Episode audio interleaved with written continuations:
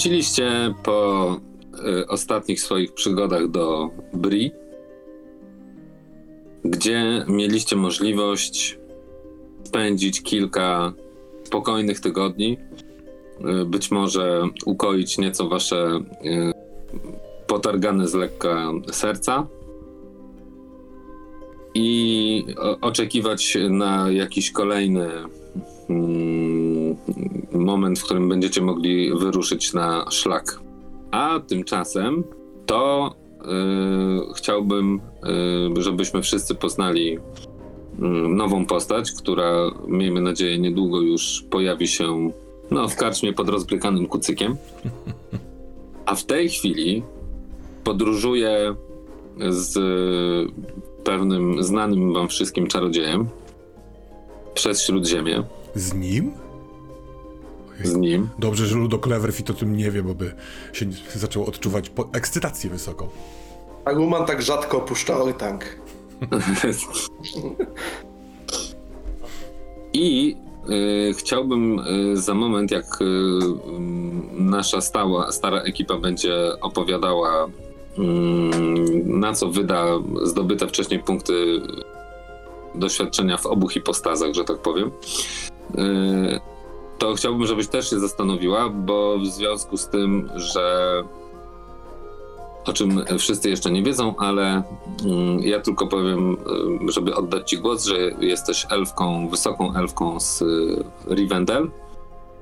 I Twoją fazę mm, drużyny, jeszcze bez drużyny, ale jakby tak y, troszeczkę przed, chciałbym, żebyś zrobiła, y, bazując, że spędziłaś, tak jak wcześniej rozmawialiśmy, trochę czasu w Lorien i y, i chciałbym, żebyś sobie rozdzieliła 10 punktów doświadczenia w obu hipostazach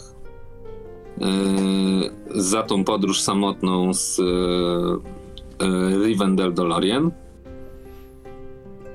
A czy, A przypuść, czy jako, że tam nie jestem y, oczywiście, ale czy ja powinienem wiedzieć, co to znaczy hipostaza? Ja też nie wiem wyglądam mądrze, ale wiecie jak to jest. Wziąłem to na siebie. okej, Yy, tutaj punkty doświadczenia są jak gdyby w dwóch yy, różnych yy, hipostazach. Czyli są Są punkty przygody i punkty umiejętności. doświadczenia. Tak jest. Dwa rodzaje punktów doświadczenia, ale dostaje się ich dokładnie tyle samo, więc po prostu wiadomo, że jak dostaliśmy 10 w tym wypadku, to mamy 10 przygody i 10, jak te drugie się nazywają, przypomnij, adrenalinu? Umiejętności. Umiejętności. Tak. Jakby co Tak to jest. Marcelina na stronie 119 jest taka tabelka, koszt ulepszania postaci. Dobrze. I, I teraz już podróżujesz z Gandalfem, ale, y, ale pomyśl sobie, co robiłaś y, w Lorien, mając chwilę y, wytchnienia od podróżowania. Y, skończyło się to wszystko poznaniem Gandalfa i decyzją o wyruszeniu z nim y, w stronę y, Rivendell i tylko dodam, że mm, podróżowaliście obchodząc góry mgliste od południa, czyli mijając yy, siedzibę Sarumana, ale nie wchodziliście do niej. A Gandalf nie miał takiej potrzeby, Wielka tam... szkoda, bo z chęcią bym ją także zobaczyła, ale skoro Gandalf nie chciał, no to kimże jestem, żeby go przekonywać. Tak, i poszliście tamtędy dlatego, że... Yy, ale dlaczego to jeszcze przypomnę później. To na razie Dobra. Nad tym, co w tym Lorien yy, mogłaś robić yy, w fazie yy, drużyny. Dobrze. A wy, drodzy moi y, doświadczeni przygodowcy, bohaterowie szlaku. y, Aha, i teraz jeden upgrade. Mieliście po 15 punktów, ale ja wam dam plus jeden na zachętę, tak żebyście mieli po 16. O, Dziękujemy. kluczowa informacja. Nie Ten jeden poprosić. zmienia wszystko. No, zmienia dosyć dużo, jak popatrzysz w No, tabelkę. i tak, Tak. wiem, jeden by wszystko zmienić. Tak jest. Wszystkie w ciemności związać. A y, jeszcze mechanicznie, y, jak jest z cieniem, z którym przybyliśmy? E, On dopiero po tej fazie przygody nam się ewentualnie trochę podleczy, bo chyba odzyskujemy go trochę, w sensie on nam znika, a y, zyskujemy nadzieję. Czy to się dzieje na tera, teraz mechanicznie, czy sobie zrobimy to na koniec fazy drużyny? Będziemy robić fazę drużyny po kolei po prostu, Mhm. tak? Bo wydaje no mi tak, się... ona ma strukturę. Przepraszam. Tak, No to tam jest to. No i najpierw mamy fazę wprowadzania ulepszeń i myślę, że możemy to zrobić spokojnie symultanicznie, to znaczy, że i ekipa, która siedzi w danym momencie w Bri i, yy, i elfka, która rezyduje chwilowo, czy teraz to rezyduje na szlaku w trakcie jak wy się byczycie yy, w Bri, ale yy, ale wówczas jeszcze rezydowała w Lorien. Ludo Cleverfit, oczywiście z całą ekipą przybyliśmy do Bri. Eee, wydaje mi się, że w trakcie drogi ym, no na pewno ja wielokrotnie artykułowałem chęć kolejnych przygód, mimo że ta była dosyć straszna, była pełna przeżyć, była niebezpieczna. Eee, niemniej e, zaopiekowany przez Persiego i przez wspaniałego Adranila e, uważam, że, że stanowimy silną, mocną drużynę i pod takim patronatem jak e, wspaniały Gandalf na pewno moglibyśmy walczyć z cieniem. Natomiast e, powiedziawszy to nieraz, e, wyraziłem też chęć e, szybkiej podróży do Shire, żeby odwiedzić swoich.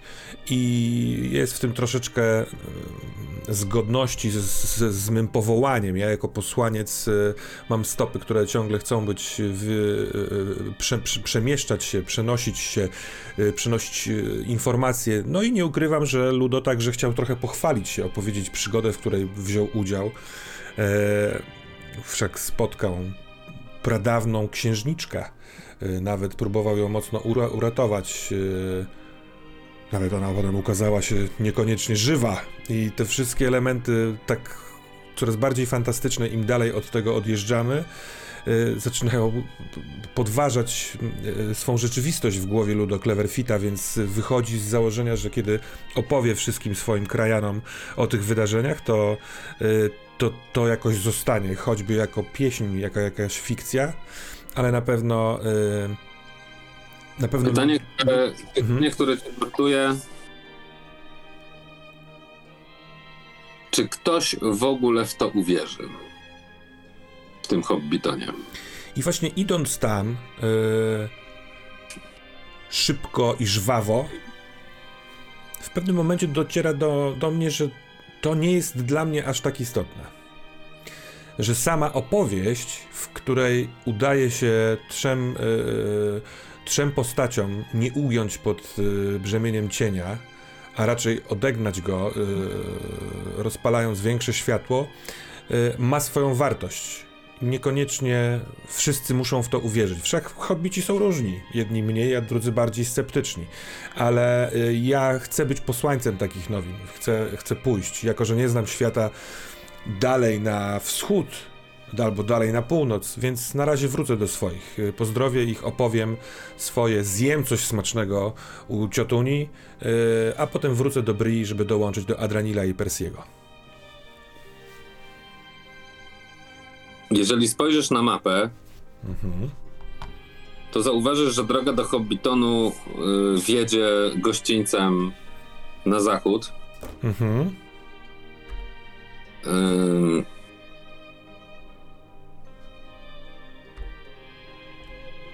I w zasadzie y, no mogłeś zabrać się z jakąś kompanią krasnoludów na przykład, która ym, przemierzała tą trasę w stronę y, Gór Błękitnych. Ten ruch krasnoludów znacząco wzmógł po tym, jak y, y, smog został y, wypędzony z samotnej góry. Więc takie kompanie zdarzają się regularnie, przechodzące przez brief, obie zresztą strony, więc możesz spokojnie zabrać się z jedną z nich i ten pierwszy etap podróży, który wiedzie mm, początkowo wzdłuż y, wzgórz, na których są ku- kurhany, a później wzdłuż y, granicy Starego Lasu, przebyć z nimi, bo potem wkraczasz już na znany sobie i bardzo bezpieczny teren Shire'u. Ta, ta, ta droga mniej znana, ona też y, cieszy mnie i ekscytuje. Tak jak mówię, ja, ja, ja czuję, że ja jestem trochę do tego y, powołany, do, do podróżowania i do niesienia, niesienia nowin. Oczywiście z przyjemnością korzystam z Towarzystwa Krasnoludów, z nimi czuję się bezpieczniej, e, zaznajamiam się, mimo wszystko z egzotycznymi dla mnie postaciami, e, a potem wykonuję swoje. Już nie chcąc zabierać miejsca, bo ch chyba to wszystko e, po tygodniu spędzonym w domu, wracam do Bri. Może tak być? Może tak być. No i czy ktoś z Was ma już jakąś koncepcję, na co chciałby wydać e, punkty? Ja mam taką koncepcję, e, dość konkretną, ale jak to zwykle bywa w tym świecie, ta koncepcja wiąże się z opowieścią. Z opowieścią tego, jak czarny wędrowiec ranny powrócił do Bri e, po naszych przygodach. Raniony przez wilkołaka, ale powrócił z przedmiotem, który jest dość istotny, ponieważ z bardzo starym mieczem mieczem znalezionym w legowisku wilka. I czy to rana, czy to ten miecz, czy to coś innego sprawiło, że Adraniel po powrocie y, zapadł na gorączkę. Gorączkował y, i przez dobry tydzień nie mógł się podnieść z łoża. Jakby w momencie, w którym podróż bezpiecznie się zakończyła, padł od razu. I gdy był w tej maigmie, w tej gorączce, śnił, wracały do niego czasy. Czasy króla e, Galaneta, tego, który padł z jego ręki w formie wilka. Czasy, kiedy nieprzyjaciel napierał na mury. I czasy, w których e, trzeba było stanąć przy, naprzeciw niemu. I tak co noc w snach, w gorączce Adraniel śnił o tym, że wraz z przybocznymi króla wy, wyjeżdża na zewnątrz walczyć w beznadziejnej bitwie mimo naporu cienia. I gorączka skończyła się jak ręką odjąć po tygodniu. No, ale pewne rzeczy z tych snów, wspomnienia, coś zostało. Więc idąc za tą opowieścią, być może po prostu wymyśloną w umyśle, poruszoną dawnymi historiami opowiadanymi na północy, poruszoną tym, co mówiła księżniczka o dziedzictwie Isildura, o zdradzieckiej gałęzi. Być może był to wpływ miecza, tego nie wiem, ale ja chciałbym po prostu rozwinąć swoje biegłości bojowe po tym doświadczeniu. Po Proszę pokonaniu wilkołaka. Proszę Więc- bardzo. Więc chciałbym miecze na trzy rozwinąć oraz co się będzie wiązało z, ze zwiększonym, zwiększoną mądrością. Chciałbym, e, żeby to doświadczenie i ten Moment. rok. Tak, Moment, moment. jasne. Pragnę tylko przypomnieć, że z tej puli, bo jeżeli będziesz rozwijał na 3, to wydasz 12 Tak, z tych 16. tak, tak. Umiejętności. znaczy- To rozumiem, że ani męstwa, ani mądrości już nie, Nie. będziesz. Mię, męstwo i mądrość podnosi się z punktów przygody. I, a, i biegłości bojowe też. Nie, biegłości, Tak? bo.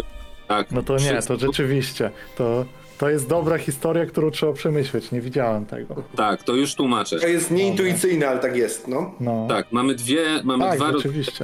W- To wrócę do tych hipostas nieszczęsnych w takim No, razie. tak, mamy, dwa rodzaje, mamy dwa rodzaje punktów. Punkty umiejętności i te wydajemy na polepszanie sobie tylko i wyłącznie umiejętności, co w jedynym pierścieniu jest bardzo mocno ym, rozbieżne z biegłościami do walki brońmi, tak? Umiejętności to są tylko te y, wymienione na karcie jako umiejętności. Po sześć z każdej cechy, No to nie ułatwia wtedy wyboru, Tak, na- rzeczywiście. tak? Natomiast biegłości bojowe podwyższamy dokładnie y, mm, z tym, o tym samym koszcie co umiejętności, ale korzystając z puli Mhm. punktów przygody, a punkty przygody wydajemy również na podnoszenie męstwa bądź mądrości. No dobra, Tak? to zostawmy z tej historii e, wtedy podniesioną mądrość e, związaną właśnie z przymiotem, czyli rzeczywiście nie umiejętności, nie biegłość bojową, którą trzeba jeszcze przepracować e, na szlaku, ale e, mądrość zwiększoną, wyciągnięcie wniosków z ich sytuacji i tą mądrością będzie nowy przymiot. Ja bym chciał, żeby tym przymiotem był niezłomny duch. Czyli niezłomny duch, który bierze się z zro- zrozumienia tej sytuacji, że gdyby się nie ugięli, to w końcu tam nadeszła pomoc. Oni za szybko się ugięli. Jezus Maria. Mówisz o tych, y, co kiedyś byli. Kiedyś, kiedyś w tych snach. Nie wiem, nie, to nawet nie musi być prawda, ale sny po prostu to jest wniosek z tego snu, kiedy. Bo gdzieś tam zawsze na horyzoncie była nadzieja nadejścia pomocy, ale oni wyruszyli, aby zginąć. A Czyli mamy to- otruła resztę. Czyli mamy to, że tak powiem, y, z automatu jednocześnie, tak? Podwyższasz sobie mądrość na dwa i od tej pory będziesz miał mądrość 2 i jednocześnie otrzymując mądrość na dwa, dos, wybierasz niezłomnego ducha, który od tej pory jest twoim przymiotem. Tak. I to w próbach e, grozy daje mi kostkę dodatkową. Ale tylko Tak grozy. działa. E, no zaraz zerknę jak dokładnie jest to opisane, ale chyba tak. Bo... Ach, to jest tutaj. Już mów, już przepraszam, czytam. Do wszystkich prób cienia, gdy opierasz się grozie. Dokładnie No. tak. No właśnie, czyli tylko groza, okej. Dobra. Napiszę sobie gdzieś tu. Czyli próby cienia, gdy się opiera grozie, to mógłbyś nam tu przypomnieć? No właśnie sobie sprawdzam, bo one tam są trzy rodzaje yy, tych prób cienia. Były Jest czary, tak? tak, czarodziejstwo, czy czarnoksięstwo. Groza to jest wtedy, kiedy ym,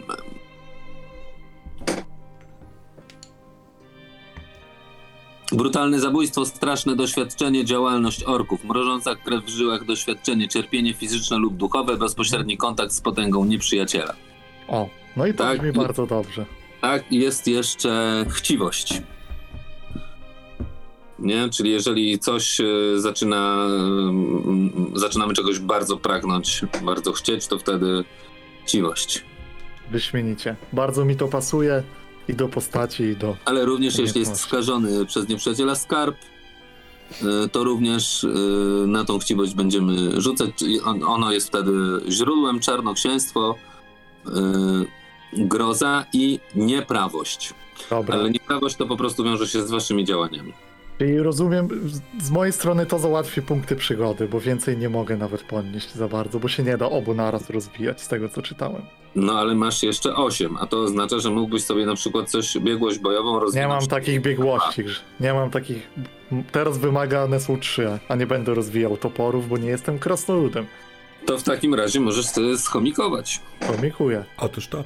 Percy po powrocie e, rzucił się na początku trochę w wir em, e, tej, e, tych nowych okoliczności, które zawitały razem z tą karawaną z Tarbadu.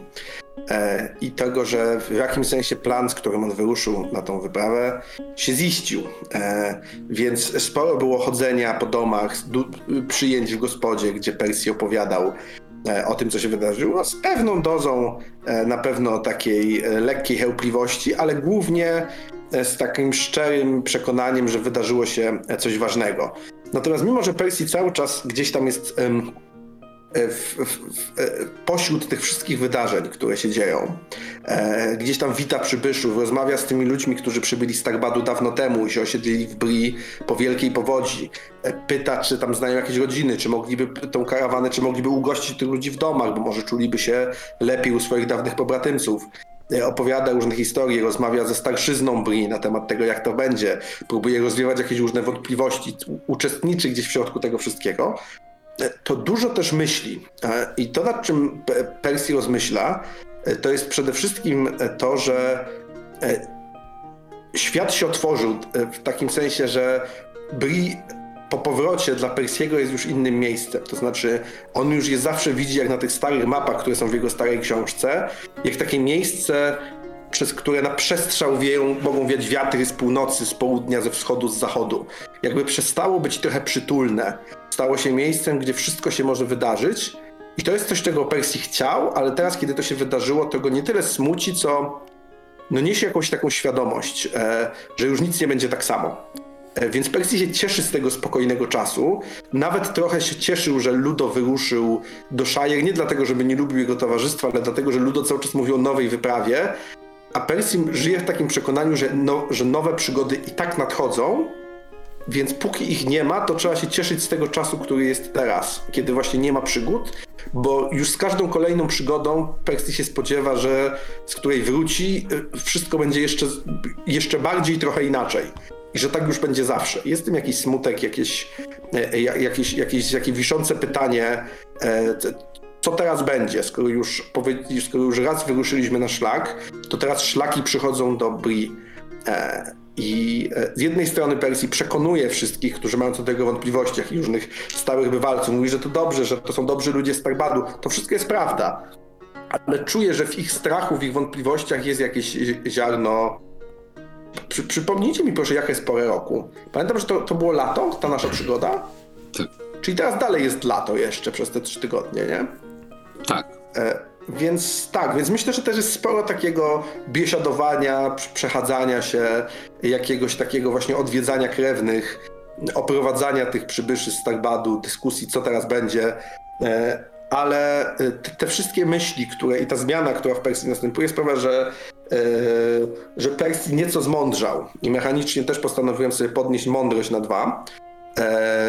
I razem z tą mądrością wykupiłem sobie, teraz trochę idziemy równolegle za Dranilem, ale trudno, nie dogadywaliśmy tego, więc idźmy z tym.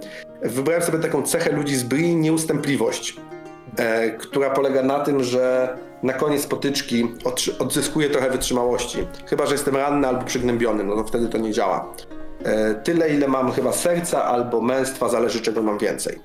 I to wynika z tego, że tak jak mówiłem, Percy czuje, że otworzył jakieś drzwi i że teraz dużo rzeczy może wejść do Bri. I dalej uważa, że dobrze zrobił, że dla wszystkich to będzie dobre, ale czuje, że jeśli spadnie z tego powodu jakaś odpowiedzialność na kogoś, że jeśli przyjdzie coś złego również, e, to, to będzie musiał stawić temu czoła, bo nikt go nie prosił o, tę o tą wyprawę. E, I nikt go nie prosił o te zmiany, które teraz przychodzą. On jakby zdecydował, w, pe- w pewnym sensie zdecydował sam. E, I co? I tak sobie Percy spędza, spędza e, te tygodnie, przynajmniej ten, ten, ten, pierwszy czas. Za chwilę pewnie będziemy mówić o tych przedsięwzięciach naszych, ale, e, ale tak, tak wygląda przynajmniej ten pierwszy okres po, po powrocie. To ja jeszcze dołożę tylko... Powiedzieć od razu co do umiejętności, O, czy tak. to później będziemy robić? Okej. No chyba Więc tak, ja- bo Adranil to powiedziałeś, tak? Ty wszystko... Nie, nie powiedziałam więc- umiejętności, jeszcze A, to przepraszam, zachowałem. to przepraszam. Dobra. Ja powiem, a potem ty powiedz. Jeśli chodzi o umiejętności, to ja w ogóle sobie y, zostawiłem punkty przygody pozostałe. Y, pozostałe oczywiście. mm, y, y, bo, już nie ma ich na co wydać. Znaczy mogłem sobie kupić jakieś biegłości broni, której nie mam, ale nie chcę, wolę sobie je zaoszczędzić. Natomiast jeśli chodzi o punkty umiejętności, to kupiłem sobie pierwszy poziom umiejętności respekt, bo czuję, że Percy trochę urósł na zasadzie tak jak ktoś, kto wrócił za E, I, I trochę może, może on sam tego nie czuje, może to nie jest coś, co on wie, że się, że się wydarzyło, ale myślę, że jest taki trochę bardziej dorosły po prostu. E, natomiast druga rzecz to podniosłem sobie wędrówkę z 1 na 2, bo odbył, Percy odbył solidną wyprawę dalszą niż kiedykolwiek i się po prostu nieco zahartował, a pozostałe 4 punkty umiejętności sobie zostawiam na przyszłość. Adranilu, umiejętności, czy teraz... e, Jeśli chodzi, tak, powiem od razu, bo to ciekawe, co powie, co tutaj Persji nam opowiada, bo jeśli chodzi o Adrenira, to też podniosłem respekt z 1 na 2, ze względu na to, jak e, Ach, ludzie. ludzie Starbadu e, spoglądali na niego w tej wspólnej wędrówce i tym, jak tam wyglądała ta sytuacja cała z... Gdzieś oni po, posłuch rzeczy, rzeczywiście i Adranil i Persji zyskali u nich i to podbudowało e, jakąś taką pewność siebie, ale też e, trochę strzepało ten kurz z Adranila, kurz e, szlaku, który jest na nim, który nie odzywał się za bardzo do ludzi, a tutaj ta wędrówka była nie tylko w grupie przyjaciół, ale też e, z większą ilością e, podróżnych z, z karawanu, która wracała, więc myślę, że to jest to. Ale a 8 aż punktów zachowuję, ponieważ mam na nie większe plany w przyszłości. To ja szybko dorzucę swoje wydatki, bo o tym nie powiedziałem i możemy wtedy przejść dalej. Yy, Ja wydaję umiejętność, wszy- cały mój roz, rozwój biorę, że tak powiem, ze spotkania się z y, upiorem, jakim była księżniczka Kalante. Yy, Dużo się dowiedziałem o historii, więc podnoszę sobie umiejętność wiedzę na jedną kropkę za cztery punkty. I podnoszę sobie także umiejętność przenikliwości na trzecią kropkę, wydając wszystkie punkty umiejętności, gdyż musiałem przenikać przez jej różne zasłony, kłamstewka i gierki. Yy, natomiast jeśli chodzi o punkty przygody, to yy, rozwijam sobie męstwo na drugi poziom za 8 punktów, gdyż rozmowa i to długa rozmowa z upiorem tego wymagała ode mnie i wybieram w zamian za to yy, yy, ten przymiot z ogólnych przymiotów, on się nazywa zaradność, który z... Nie, mo- moment, moment, panie kolego. Jeżeli wybieramy męstwo, to nie wybieramy przymiotu, tylko dostajemy Grodę. nagrodę. To przepraszam, to ja nie chcę męstwa. To cały mój flaw fabularny poszedł. Prawdę mówiąc, na początku wziąłem sobie tą mądrość, ale skoro wy byliście mądrzy, to ja pomyślałem o męstwie. wszyscy zmądrzeliśmy. Ale ja też chcę zmądrzeć, bo zależy mi na tym przymiocie. Ten, przy tym przymiotem zmniejszam poziom trudności yy, mojego rozumu, bo skoro udało mi się prze, przekonywać bardzo długo upiora, to pewną tremę mam za sobą. Będę teraz przekonywał wszystkich łatwiej. A pozostałe 8 punktów przygody zostawiam sobie na później. Czekaj, a to jeszcze raz powiedz, jaka jest, yy, jaki jest ten przymiot, który wybrałeś Zara, tej... zaradność może zmniejszyć poziom trudności jednej z cech. Też go mam, tylko sobie go wybrałem na początku gry. I wybierasz go do rozumu, tak? Tak jest. Cwaniaczek. Biorę to za komplement. To nasze ulepszenia. Dobrze, Przepraszam. to Droga Elfko, że tak długo nam to zajęło, No. ale widzisz. no właśnie. I teraz e, e, jak e, rozwija się e, wysoka elfka? Myślę, że przygoda Izdis, zanim w ogóle ją zobaczyliście, zobaczycie dzisiaj wśród was, ona zaczęła się o wiele wcześniej niż to, co mamy dzisiaj. E, dlatego, że Izdis rzeczywiście przepodróżowała do Lorien e, sama, na samotnej wędrówce, która była jej pierwszą taką prawdziwą wędrówką życia, można powiedzieć, na którą ona się bardzo cieszyła. E, ale była sama, i była, można powiedzieć, niedoświadczona światem, bo większość swojego czasu e, w tej krainie spędziła jednak w książkach. Więc ta wędrówka okazała się najtrudniejszym etapem wszystkiego w ogóle.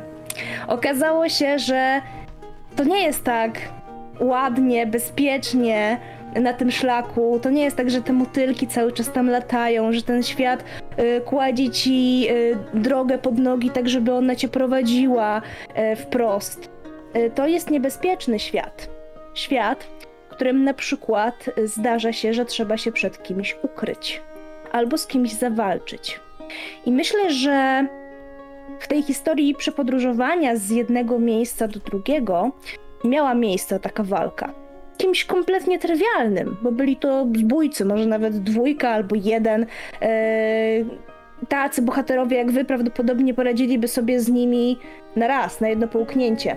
Ale dla Izdis była to pierwsza taka prawdziwa potyczka na śmierć i życie. Bo wcześniej oczywiście ćwiczyła walkę mieczem, którego nazwała żelazną panną, ale zawsze to była walka kontrolowana. A tego dnia, kiedy z tymi zbójcami się starła, poznała, że rzeczywiście może na tym szlaku umrzeć. Udało jej się, ale nie była to walka pełna triumfu. Powiedziałabym raczej, że pyrrusowe zwycięstwo. Cudem e, wręcz e, myślę, że ma- macie tutaj ze sobą elfkę przy, przy tej historii. Mm, I właśnie dlatego sądzę, że Izdis podniosłoby się męstwo z pierwszego na drugi poziom. Bo w pewien sposób to już ją zdążyło zahartować. Zabiła pierwszego przeciwnika i przekroczyła pewną granicę, której, która była nieprzekraczalna w jej głowie wcześniej, a która tak przystawiła ją do ściany która wymagała od niej tego przekroczenia. Mówiłam jeszcze o tym skrywaniu się. Nie zawsze można było zawalczyć. Dlatego sądzę, że w ogóle dobrą opcją na rozwinięcie umiejętności będzie wędrówka. Poznanie trudów podróży, tego, że nie zawsze jest y, co zjeść, że nie zawsze jest się gdzieś, gdzie schronić, albo inaczej, nie zawsze jest gdzie schronić się w suchym i dobrym miejscu, bezpiecznym. E, czasami trzeba czuwać w nocy, e, czasami można się zgubić, jeżeli nie pilnuje się drogi, albo zapatrzy się na coś, co wyjątkowo zauroczy. E, No i myślę, że Izdis y, tutaj drogą doświadczenia poznaje, że ten świat nie jest taki piękny i cudowny, jak przeczytała w książkach czy usłyszała w pieśniach. To są moje rozwinięcia. E, Zostały mi dwa punkty przygody i dwa punkty umiejętności. Mm, To byłam ja i mój rozwój. Nie tak szybko. Dobrze. Not so fast. A, E, przepraszam, bo ja jeszcze mam y, cechę zmęstwa. E, Tak? Ja nawet sobie ją wybrałam, tę nagrodę, tylko zapomniałam o niej powiedzieć. Mianowicie wymyśliłam, e, że moją nagrodą może być zabójcza broń, e, którą po prostu nałożę na żelazną pannę. Ona mi daje plus dwa do przebicia. Co to znaczy nałożę na żelazną pannę? Mm, wydaje mi się, że tutaj się wybiera broń, y, która jest zabójcza. Czy ja mogę stwierdzić, że każda moja broń jest zabójcza? Tak, masz dwie, dwa do wy... masz... Masz konkretną broń. Tak. I w momencie, kiedy bierzesz y, to ulepszenie, czy tą nagrodę z państwa, to możesz albo dostać nową broń z tą cechą, ale jeżeli masz już broń, bo ta pierwsza podstawowa broń ma pierwsze ulepszenie, które już miała, prawda? Tak. No właśnie. Czy ona To- może mieć drugie ulepszenie, czy muszę wziąć nową broń? może mieć. Po prostu w Lorien y, ktoś mógł wziąć y, do ręki tą broń i po oględzinach na przykład pokazać ci albo stwierdzić, o zobacz, y, tak naprawdę ta broń jest jakoś tam jeszcze lepsiejsza, nie? Po prostu Może- źle ją trzymałaś. Izdis, źle ją trzymałaś. To może jakiś Ostrą kowal... stroną, ostrą. Os- To tłumaczy te potyczki początkowe, jak Tak. były no nie, trudne. ale jakiś kowal w Lorien na przykład mógł y, wziąć ją do czyszczenia i odkryć jakieś y, runy, które Jasne. były starte i on je odtworzył, nie? Albo mógł wziąć to do swojego warsztatu i y, lekko przerobić samo ostrze po to, żeby ono było super, y, że tak powiem, i- jeszcze oszczejsze. Być Tak. może nawet z taką prośbą zwróciłam się do takiego kowala, widząc, że ta broń, mimo że całkiem y, dobra, to potrzebuje być lepsza. A w przypadku elfów to zawsze możemy pojechać, y, że ten kowal to w rzeczywistości nakłada jakieś y, takie lekkie zaklęcie Mhm. i to powoduje, że ta broń jest y, bardziej zabójcza.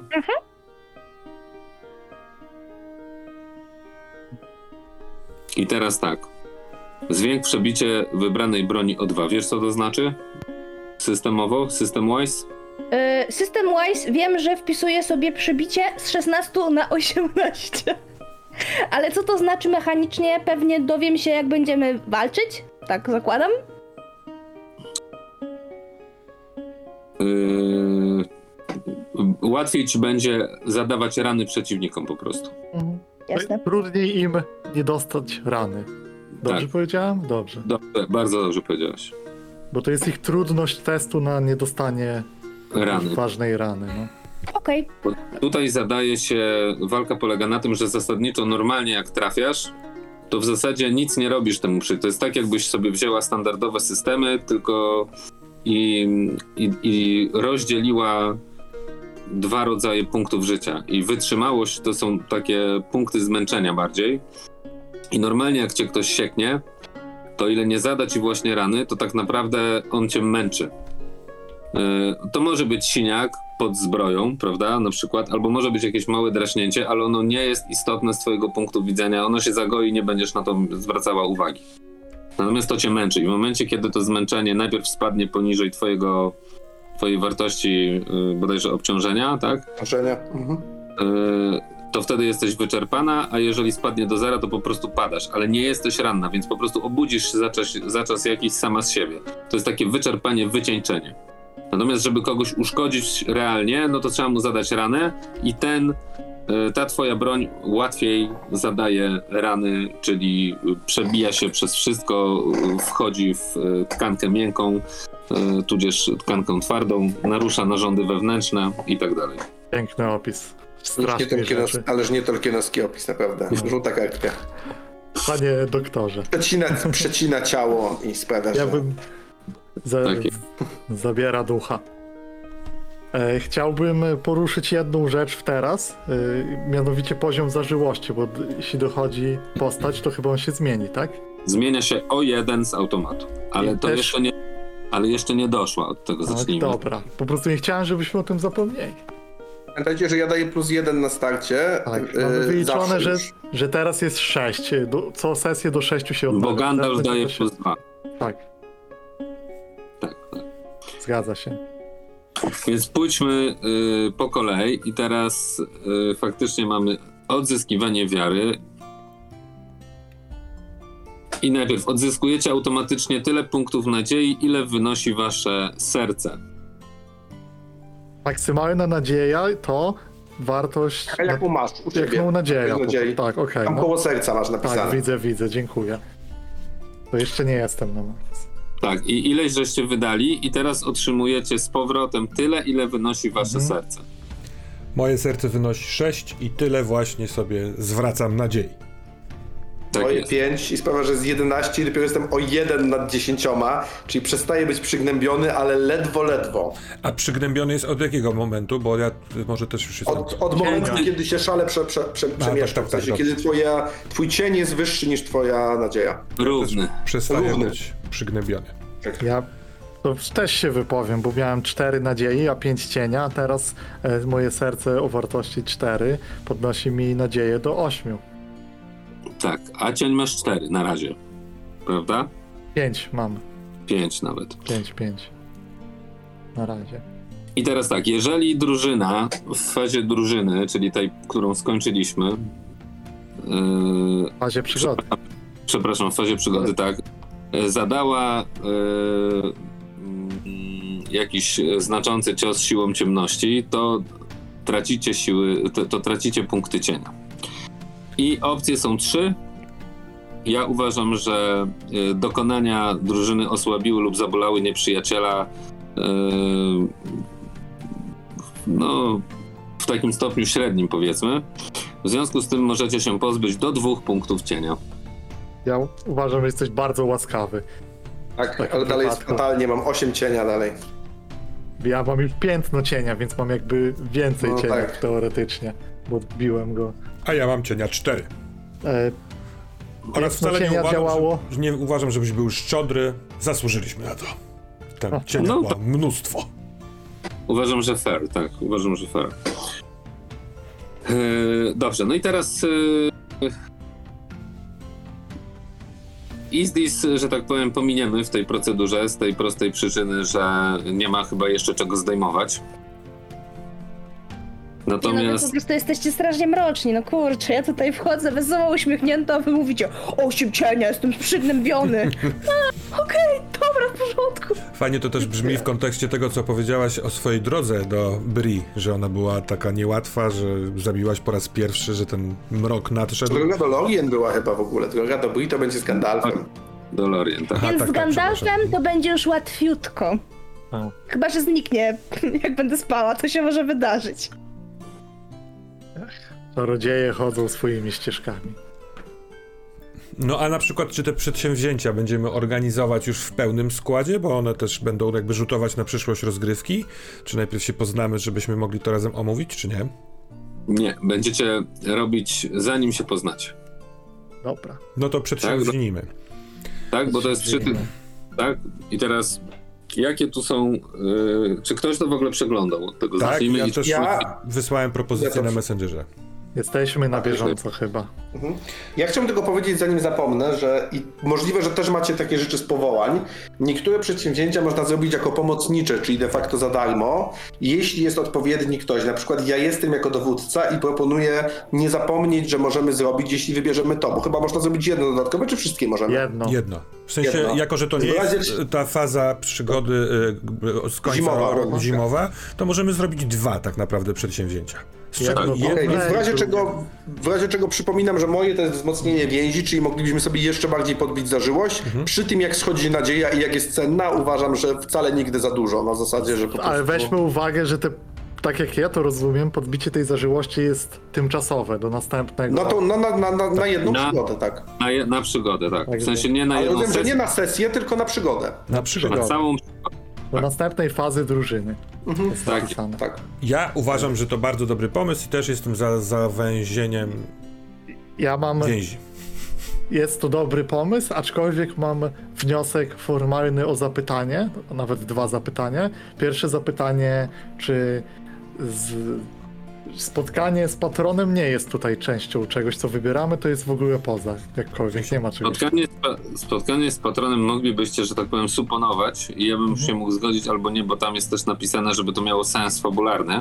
Mhm. Natomiast tutaj e, macie spotkanie z patronem ufundowane gratis. Dobra, to jest inf- informacja, której potrzebowaliśmy. Więc nie, Jest- nie musimy Jest rozmawiać wspaniały. z patronem. Jest wspaniały. Ale dzisiaj po prostu Macie jest jakimś takim dobrym. Co niestety, z, e, wiesz, no perspektywa może być e, na zasadzie wyrównania balansu bardzo mroczna. No, zobaczymy. Ale też wtedy wchodzi zapytanie ważne. O, zniknąłem, bo założyłem pierścień. E, Wchodzi ważne zapytanie o ten miecz, którego cechy trochę podałeś i nie jestem pewien, czy. Nie, nie do końca wiem, jak te badanie magicznego przedmiotu by tu działało w tym wypadku. Czy ono jest wymagane dalej, czy ono coś robi? Ono jest wymagane dalej. No to wtedy jest mój wniosek formalny o badanie jednak magicznego przedmiotu.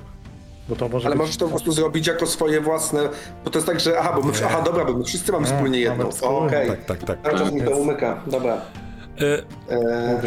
Jak dla mnie jest to równorzędne ze studiowaniem map i zwojów, bo to by nam poszerzyło opcje y, podróżowania, w sensie pomogło w podróżowaniu, ale to zbadanie tej, tej, tej, tego magicznego przedmiotu też jest istotne, więc ja mam tutaj remis. Wzmocnienie więzi, to, które proponowałeś Persji jest super. Jako drugie, nie? Ja nie będę się sprzeciwiał temu badaniu miecza, uważam, że... Znaczy, Percy nie będzie w tym w ogóle brał udziału fabularnie, natomiast uważam, że dobrze by było wiedzieć, co tam masz, skoro zdobyliśmy skarb, więc... e, A może w ogóle to byłoby fajne flafowo, nie wiem czy flafowo, nie, fikcyjnie, dlatego ponieważ nadchodzi uczona, która możliwe, że mogłaby w ten sposób poniekąd stać się częścią, albo, albo w inny sposób, ale y, pomóc w badaniu tego miecza. Nadchodzi również Gandalf Szary i on też może mieć y, pewną łatwość w badaniu. Jeśli oczywiście będzie chciał i nie będzie miał innych pilnych spraw, gdyż to różnie z Ja? nim bywa. Bo też y, po prostu pytam się dlatego, że nie wiem, czy z rozpędu nie podałeś mi tych cech miecza ostatnio. A co ci podałem? Bo pod, słuchaj, dowiedziałem się, że to jest y, potężny, magiczny, numenoryjski miecz, który jest y, silny przeciwko orkom i trollom. Brzmi jak jego cechy. Poczekaj, potężny. Mam zapisane. Ta, mam zapisane, że jest potężny, że jest To jest magiczny. to- Mistrz gry to- przygotowujący przygodę. właśnie, właśnie na to patrzymy. Właśnie dlatego stąd mój problem, bo nie wiem, czy my już tego sobie nie zrobiliśmy trochę. Chcę tylko powiedzieć, że chcę tylko powiedzieć, że 10 minut przed, y, że tak powiem, wejściem na żywo jęczałem i skamlałem, że gdzieś mi to zakiwa. E, a czy A to miecz jest to- jedyny przedmiot magiczny, który mamy stamtąd? Nie. Ten miecz? No Nie. właśnie. A co, co Mamy jest? diadem księżnej. Diadem księżnej i, i jeszcze coś było. Mhm. E, nie mam zapisane, że magiczne coś było, więc ciekawe. Mam zapisane, że mamy sakiewkę fajną. Dosłownie tak. Może ona nie jest fajna, tylko magiczna. Że jest tak, może fajność wynika z magiczności. Tak. To może, to może zróbmy tak. Yy, na pewno był miecz i na pewno była, yy, był diadem księżnej. Mhm. To zróbmy dla ułatwienia, że sakiewka po prostu ma drogie kamienie za, za o wartości 12. Chyba, chyba też taki był zamiar, mi się wydaje. Taki był zamiar, też mi się tak wydaje. I jeszcze dodajemy do skarbu siebie, dobrze rozumiem, do tych 15. Jeśli chodzi o ilość skarbów, to tutaj doszło do podziału, którego szczegółów możemy nie mieć, ale ja zapisałem koniec końców skarb 10. Nie wiem, czy macie na karcie postaci wysoko zapisane, bo część oddaliśmy, część sprzedaliśmy, jakieś dziwne Ja mam z rzeczy. jakiegoś powodu wpisane 15, ale może dlatego, że nie chciałem żadnych magicznych przedmiotów? Tak, tak, był tak. Robiłeś Tak. ty podział, mówiłeś, że dzielimy się tak, tak i tak. Więc Ja mam- wziąłeś... Okej, 10 złotych. skoro taki zrobiłem, to taki jest. Ja mam napisane 10 złota. U siebie.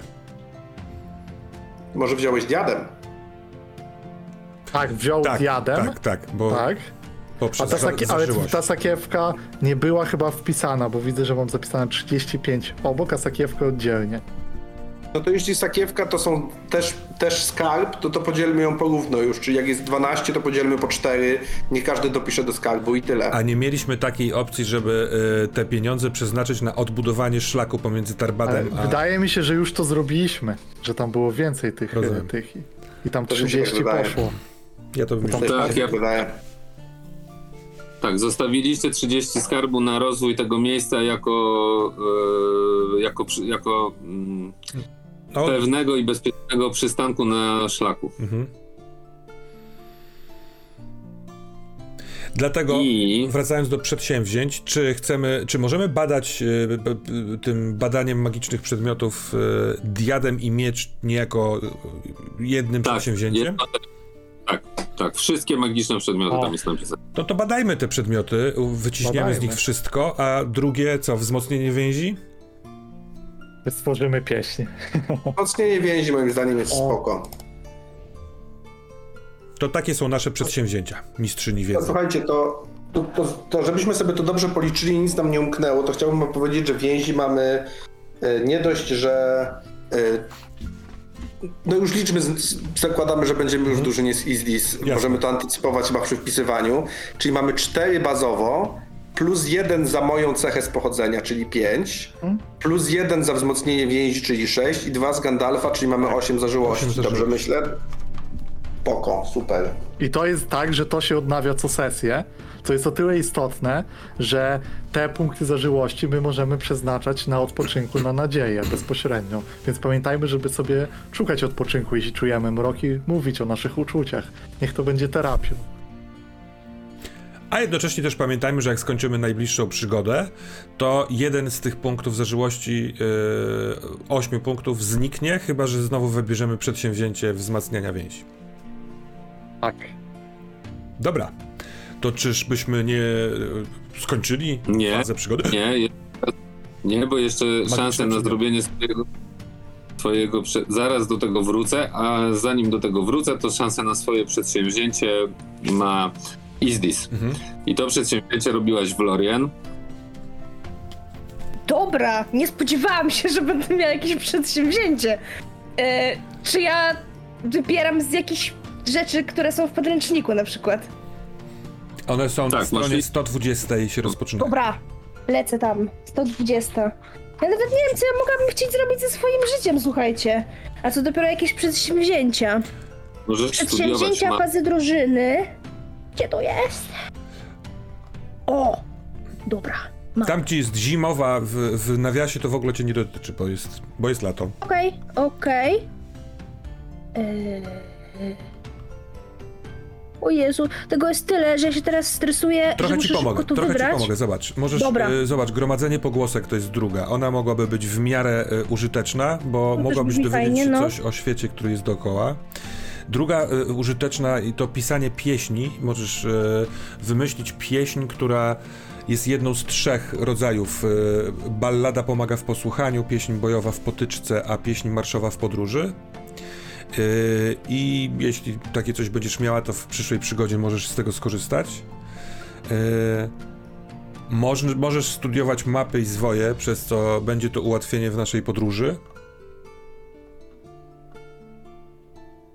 I sądzę, że to Dobra. są wszystkie. E, wiesz co, myślę, że jednak wybiorę e, to badanie mm, pogłosek, tak to się nazywa, gromadzenie pogłosek. Mhm. Bo... Bo czemu nie? Bo jestem w nowym miejscu i jestem ciekawa tego, co się w nowym miejscu dzieje. Więc e, wybieram to jako swoje przedsięwzięcie.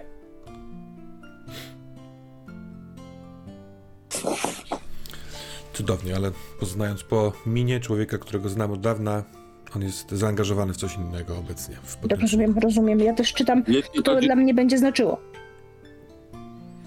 Pogłoski wybrałaś? Tak. Okej. Więc y, w Lorien są zaniepokojeni, dlatego że docierają do nich y, od jakiegoś czasu pogłoski Hmm? e, dwóch rodzajów. Jeden to jest ten, który jakby już znasz Mhm. e, i zostawmy, bo będzie myślę fajnie, jak się dowiedzą wszyscy za jednym zamachem. Ale do tego dochodzą drugie pogłoski, mianowicie takie, że podobno elfy giną gdzieś na szlaku. W takim sensie, że nie, że znajduje się ich trupy. Krzepiające. Nie, nie, ale nie, nie, właśnie nie. Nikt nie wie, co się z nimi dzieje. Tak jak gdyby, Bardzo krzepiające. Dobra, mhm, super. zwłaszcza te, które wyruszały do szarej przystani, odpłynąć na zachód. Yy, są takie plotki, czasem się o tym mówi gdzieś wieczorem, że dochodzą głosy, że oni nigdy do tej szarej przystani nie dochodzą, Boże. a przynajmniej część z nich, nie wszyscy. Mhm. Okej. jakaś część z nich. Nie, nie duża, to nie jest tak, że nagle 70% tam, nie? Ale są Mhm. wyprawy, które miały dojść do szarej przystani, ale nigdy tam nie dotarły, a nikt też nie znalazł, bo szukano i nikt też nie znalazł śladów, żeby, żeby zostali gdzieś y, zgłodzeni. Okej. I zaczyna się dziać wokół tego pewien ferment, bo nigdy jeszcze tak takiej sytuacji y, nie było. Y, ty wiesz, że elfy generalnie idą, ch- chodzą w takich lekkich grupach, y, y, odchodząc na zachód.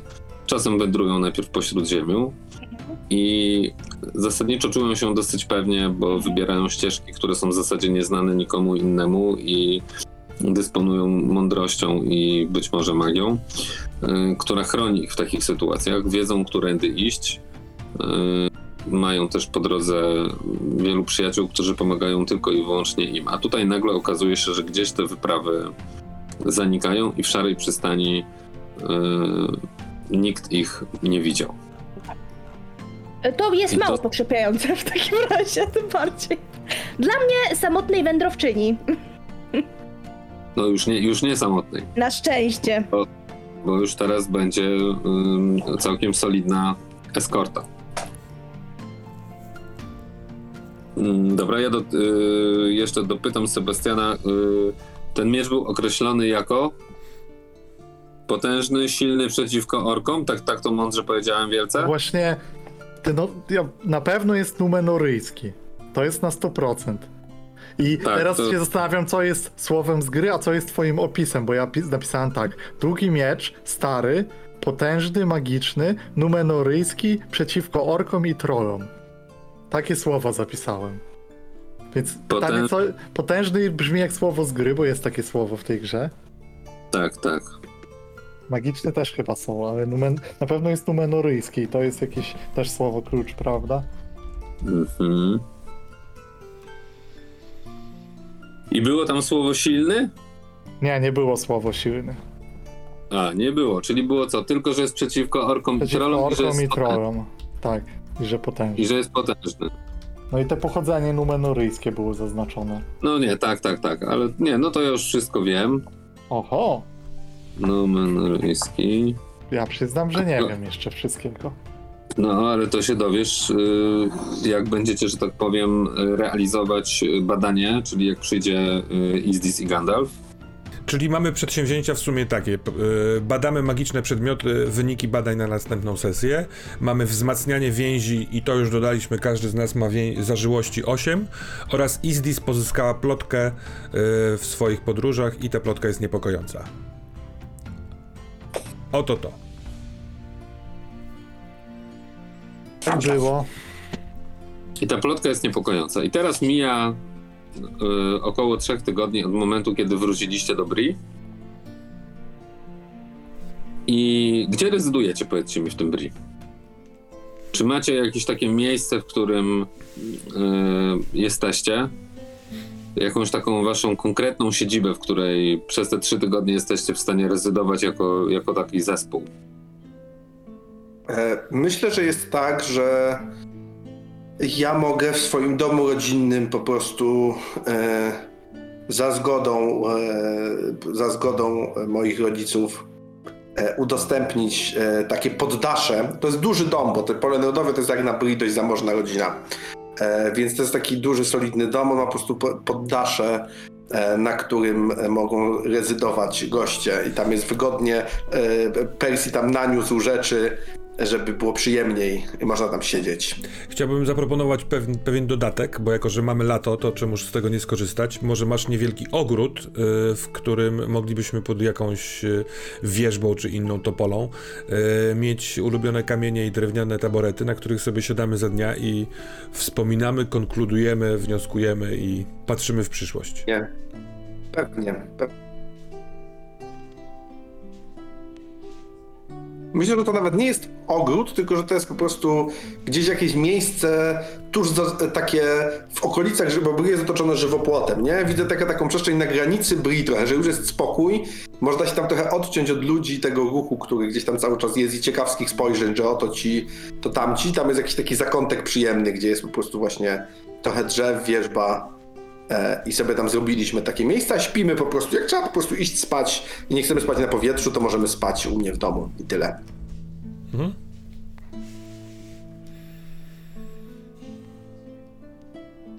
Pełna zgoda. Okej, więc e, wylegujecie się w tym swoim miejscu na, na trawie, gdzieś tam, jak rozumiem, w cieniu drzew. I dostrzegacie, jak idzie w waszą stronę, idą w waszą stronę dwie postacie. Jedną z nich jest niektórym z was dobrze, a niektórym z was niezbyt dobrze.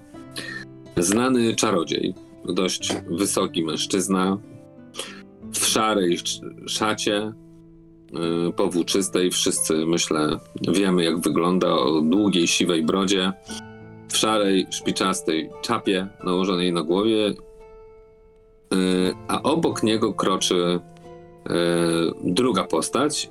Jak ona wygląda? Ta postać jest drobną elfką. Mówiąc drobną, mam na myśli taką e, nie herlawą budowę ciała, ale taką malutkość, która bije od niej. Taka mm, wdzięczność e, od tych ruchów, którymi się porusza. E, kiedy się uśmiecha, a jest uśmiechnięta nawet tak z zębami widocznymi, widać, że te zęby trochę przypominają takie małe perełki w jej, w jej ustach osadzone. E, Ona sama mm, ma e, bardzo długie blond włosy, które lekko się kręcą. E, Tak naprawdę na całej długości jej ciała. Może nawet macie wrażenie, że część kosmyków zahacza trochę o tu o jakiś żywopłot, czy o jakiś krzaczek wystający. E, Być może ona nie ma świadomości, że one jeszcze tak reagują z otoczeniem. E, Ma twarz, która jest bardzo smukła, ale widać na jej policzkach e, rumieńce. I te rumieńce, mm, łącznie z jej wyrazem twarzy, zwiastują ogromne podniecenie i zainteresowanie wszystkim, co się dookoła niej znajduje. Spogląda na rośliny, spogląda na kogoś, kogo minęli, e, spogląda to na Gandalfa, a to wreszcie na was. E, jak was widzi, to jest takie ponowne ożywienie, chociaż mm, wydawałoby się wam, że ożywić nie może się bardziej niż to, co widzieliście na początku. E, unosi dłoń, bardzo drobną, taką smukłą, to jest dłoń pianistki, można powiedzieć, e, i zakrywa ręką usta. W takim e, jakimś dziwnym uśmiechu, albo coś szepcze do Gandalfa. Może tak, może to jest rodzaj szeptu. A co można powiedzieć o niej, yy, co można wyczytać o niej z ubioru? Z rynsztunku, w którym Myślę, że mm, pierwsze, co się rzuca w oczy, to bardzo ładna suknia. Może trochę niepraktyczna, jak na podróżowanie, z dużą ilością haftów, e, w takim jasno-błękitnym kolorze, może już ubrudzona trochę gdzie niegdzie, chociaż te włosy zakrywają dużą część tego ubioru. Długie rękawy, mimo że lato, właśnie zakończone takimi em, haftkami w secesyjnym stylu, jeżeli rozumiecie, co mam na myśli. Dużo roślinności jest w tym stroju. E, poza tym gdzieś skórzany kaftan e, opinający tę suknię, e, mający chronić ją przed jakimiś e, trudami podróży. Mm, ale wygląda raczej niepraktycznie. Tak jakby urwała się z. Mm, z jakiegoś dostojnego, pięknego miejsca, gdzie zazwyczaj żyją elfy. Kompletnie nie pasuje do otoczenia. I widzisz przed sobą pod drzewem rozłożystym na pięknej zielonej murawie e, trzech jegomości, pomiędzy którymi leży rozłożony koc, na którym znajdują się różnorakie wiktuały oraz napoje, które mam nadzieję życzeni jegomoście za chwilę będą e, tak dobrzy i opiszą, a jednocześnie opiszą też i samych siebie. Kogusz widać przy owym kocu pod owym drzewem i na koniec chciałbym, żebyście też powiedzieli, co, robi, co robią, widząc y, nadchodzącego chyba Gandalfa z nieznaną y, elfką. Rące może najpierw Adrenira, ponieważ y, jego widok może u naszej elfki wywołać skojarzenie z pogłoską, która słyszała, gdyż postać w, w ciemnych szatach, y, w kapturze, który przysłania jej twarz, aby słońce nie raziło ją w oczy, y, w tym momencie przysadzona na kamieniu, y, zajmuje się bronią, dość potężnym mieczem starej roboty, który ogląda i znaczy, zastan- widocznie jest w zastanowieniu nad e, tym przedmiotem, a sama postać e, to wysoki, zdecydowanie wyróżniający się wzrostem, e, szczególnie pośród mieszkańców Bri, e, mężczyzna, który w, w swoich ruchach e, ma zawsze jakąś taką dynamikę, która pokazuje, że jest w stanie zerwać się szybko do działania. Jest, jakiś, jest taki. On zwykle nie wykonuje wolnych ruchów, jeśli coś robi, jest taki zdecydowany ruch ręką. Jeśli po coś sięga, jest to sięgnięcie, wzięcie i cofnięcie. Nie takie nerwowe, ale pewne. I można zauważyć gdzieś, e, że musiał dzisiaj chyba mm, wyciągnąć swój ekwipunek na przegląd, być może spodziewając się czegoś, gdyż w, gdzieś o drzewo widzimy oparty sp, spory łuk.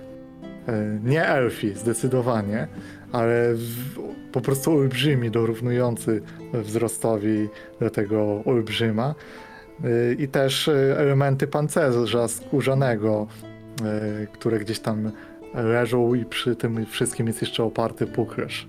Sama Dranil mm, nie pokazuje po sobie zmianą postawy za bardzo to, to że, tego, że zauważył gości, chociaż e, zdecydowanie ma e, widok na front na idących, więc tylko czeka, aż jego towarzysze zorientują się i czeka pewnie na powitanie przez Ludo i, i wybuch Persiego, a może i na odwrót, wybuch Ludo i powitanie Persiego, którzy ucieszą się z tego widoku cza- czarodzieja.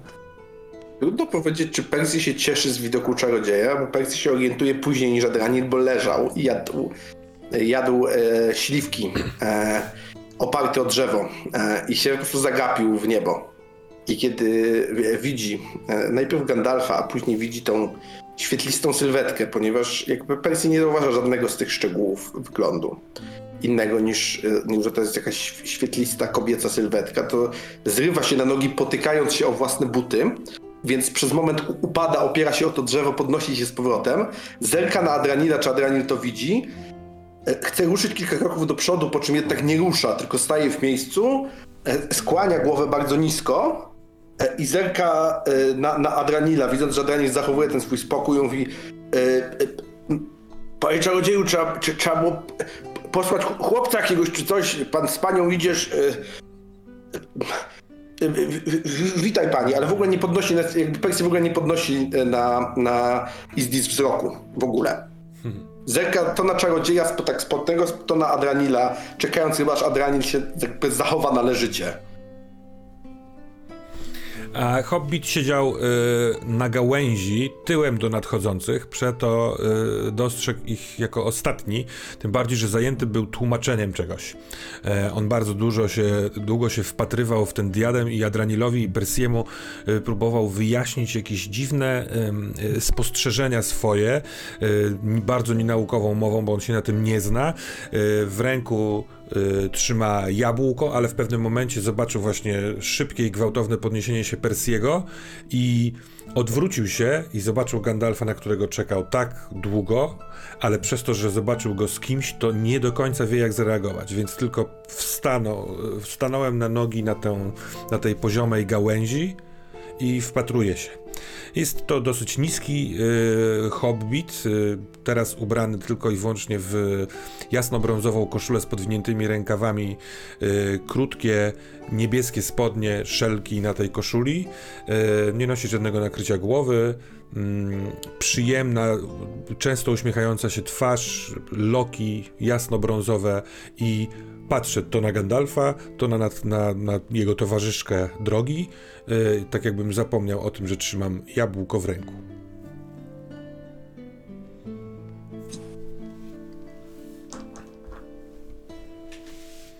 Dzień dobry, mówi Gandalf.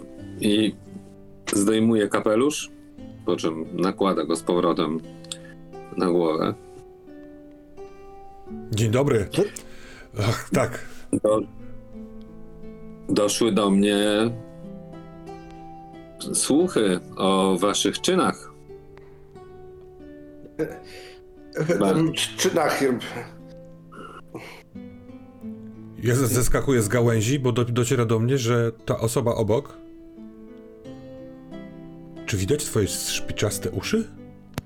Myślę, że tak. Myślę, że te włosy mogą być odgarnięte za uszy, żeby nie przeszkadzały Izdis, jak robi rzeczy.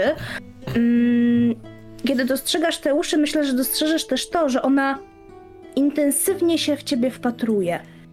Tak jakbyś ją czymś bardzo zainteresował. Ta Persja, że się skłania, okej. Zdziwiło ją to być może, ale ty?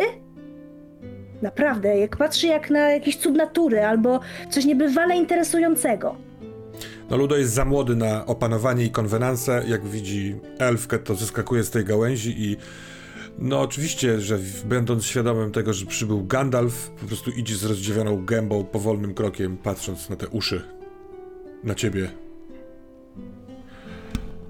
Dzień dobry. Ja, ja mówię do Adranila. Adranilu, powiedz, że coś stosownego. Adraniu, s- zdejmując kaptur, podnosi się tym bardziej gdzieś górując tym wzrostem e, w kontraście, chociaż trzeba przyznać, że czarodziej jakby się wyprostował, to mógłby tutaj konkurować. E, I Adraniu spoglądając na elfkę mówi po prostu Maegowanen, skłaniając się uprzejmie. Gandalfie, miałeś rację. Ci jego moście są niebywale interesujący. Ludo się, Witajcie. Ludo się odwraca w stronę Adranila, który powiedział coś dziwnego i krzyczy do niego Elfka! I wyskakuje z radości w górę, lak ląduje, robi fikołka na tej trawie, rzuca wysoko jabłko, chwyta w drugą rękę. Cały jest przeszczęśliwy. Co za impreza. Ten moment, kiedy, y, kiedy Persji dochodzi trochę do siebie. W sensie już jakby widzi, że Ludo zachowuje się idiotycznie, a Dranin jak zwykle nie można na niego liczyć, bo mówi tylko jednym słowem zawsze. E, Więc to jest moment, w którym musi e, do, dorosnąć do sytuacji szybko. Persji w ogóle, bo nie, nie powiedziałem jak wygląda, to jest człowiek, mężczyzna niewysoki, znacznie niższy od Dranila, takiej budowy e, mocnej, dość szerokie ramiona, mocne nogi, taki jest e, zwarty, zbity. Włosy ma ciemne, czarne, lekko kręcone, takie rozmierzwione, oczy zielone, lekko wystającą dolną szczękę do przodu, twarz przyjazną, e, prostą, może trochę zabawną. Po, czym, po czym się odzywa, jeszcze raz się skłania i mówi e, "M- Mistrzu Gandalfie, nie ukrywam, żeśmy trochę czekali na, na ciebie, ale żeś nas jak zwykle zastał, jak akurat chwilowo nie czekaliśmy. Ale przedstaw nam panią, bo przecież nie wypada tak nie wiedzieć, jak ktoś ma na imię. I, i ja jestem Percy Polenot i kłaniam się już teraz właściwie w pas w stronę, w stronę e, Izdis. E, e, Gandalf nadzieję, jest że- uśmiechnięty na duch. Mam nadzieję, że pani szanowna nie, nie znajdziesz naszego miasteczka y, nazbyt pospolitym czy y, zabłudzonym. Jest najpiękniejszym miejscem, w którym miałam okazję być. Jest niezwykłe. Czy pokażecie mi więcej jego zakamarków?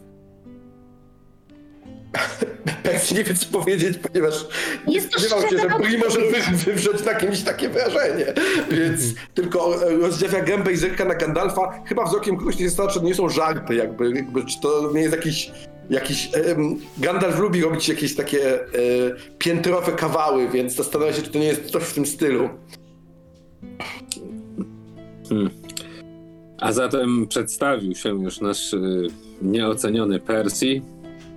Y, a tu, y, droga Izdis, y, masz przed sobą Adranila, y, strażnika i Y, Ja sam, ja sam, ja sam. Y, Ja odbiegam od nich, od was, y, wskakuję z powrotem na tą gałąź, bo na nią odłożyłem na taki patyk y, kapelusz, mój podróżny. Y, Zrywam go, zeskakuję znów, podbiegam zakładając kapelusz, tylko po to, żeby go zdjąć, przy ukłonie śmignąć nim o ziemię. Ludo Cleverfieldshire. Jakże mi przyjemnie. Słyszycie, słyszycie, że Izdis się śmieje, ale to nie jest śmiech, mm, nie, rozba- nie rozbawił jej ten występ, ten performance, tylko to jest taki śmiech pełen serdeczności. Yy, ją rozpiera szczęście w tym momencie. I to emanuje z niej, ta, to szczęście, ta radość, to zajaranie tym, gdzie się znajduje i przy kim się znajduje. A ja mam przyjemność przedstawić wam Izdis o białych dłoniach. Elfkę wysokiego rodu. Do niedawna jeszcze zamieszkującą w Rivendell. Ja patrzę, A dziś podróżującą ze mną aż tutaj do Bri. ja patrzę na dłonie.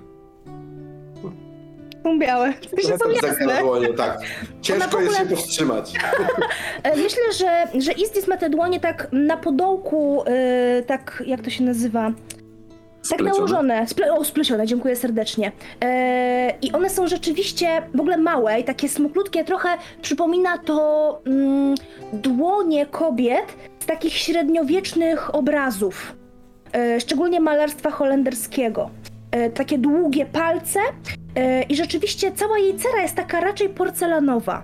Nie jest to taka chora bladość, tylko taka jakaś e, kość słoniowa, może tak. E, Rzeczywiście te dłonie są jaśniutkie.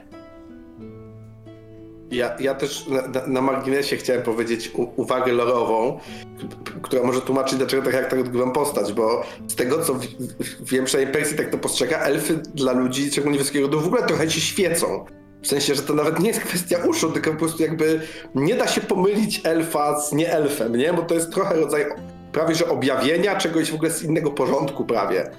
E, myślę, że Persji jest za młody, żeby to czuć jeszcze w pełni. Nie Persji, tylko Ludo. Ludo. Persji już jest dorosły. Ja oszalałem z radości. Ja tam robię fikołki i podskakuję. Widzę, że jest możliwość, żeby przysiąść się i nieco posilić i zażyć tej pięknej pogody.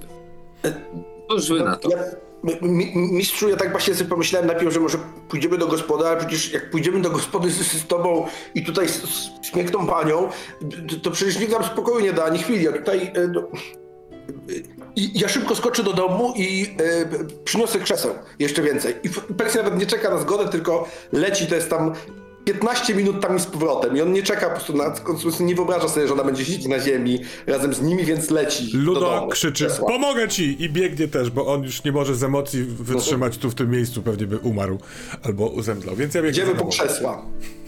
A Myślę, Gandalf no no. rozk- rozkłada ręce y, w takim geście, że no cóż ja na to mogę zrobić i patrzy się na ciebie i mówi, no cóż, no zasiądźmy, czekając na naszych miłych gospodarzy. Myślę, że nie zajmie to im długo. Proszę. Wydawali się poruszeni. Coś się stało? Widok twojego ludu w tych stronach nie jest bardzo częsty. Rozumiem. Mówię siadając na trawie. Bez najmniejszego problemu te włosy taką kaskadą spływają, po prostu wręcz wiją się jak takie małe żmijki w tej trawie, no i tam osiadają spokojnie. Tak jakby wplata się ta jasność włosów w tę zieleń e, tych źdźbeł. Gandalf również siada, opierając plecy o drzewo. Wyciąga fajkę, którą nabija y, spokojnie zielem fajkowym i przystępuje y, do czynności rozpalania tejże fajki. Jednocześnie, czy ktoś ma ochotę? Chętnie. Więc podaję ci też y, tytoń. Czy w zasadzie ziele fajkowe, przepraszam bardzo. Swoją mieszanką, której używa.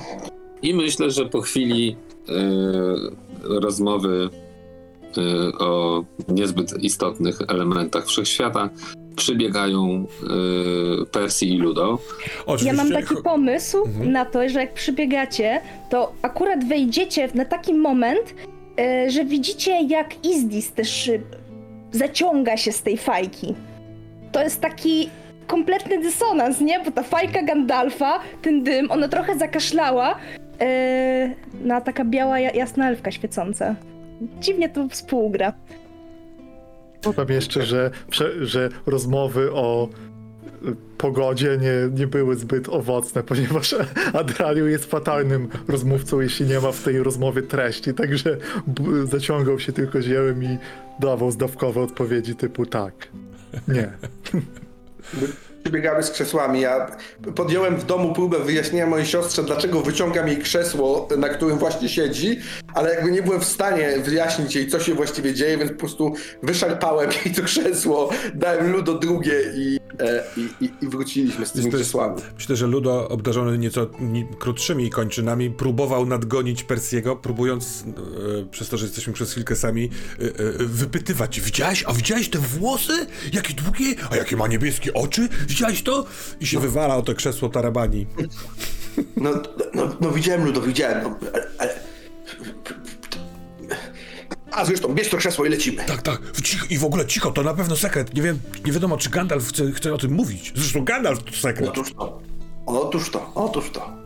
I No jesteśmy. jesteśmy. Jesteśmy.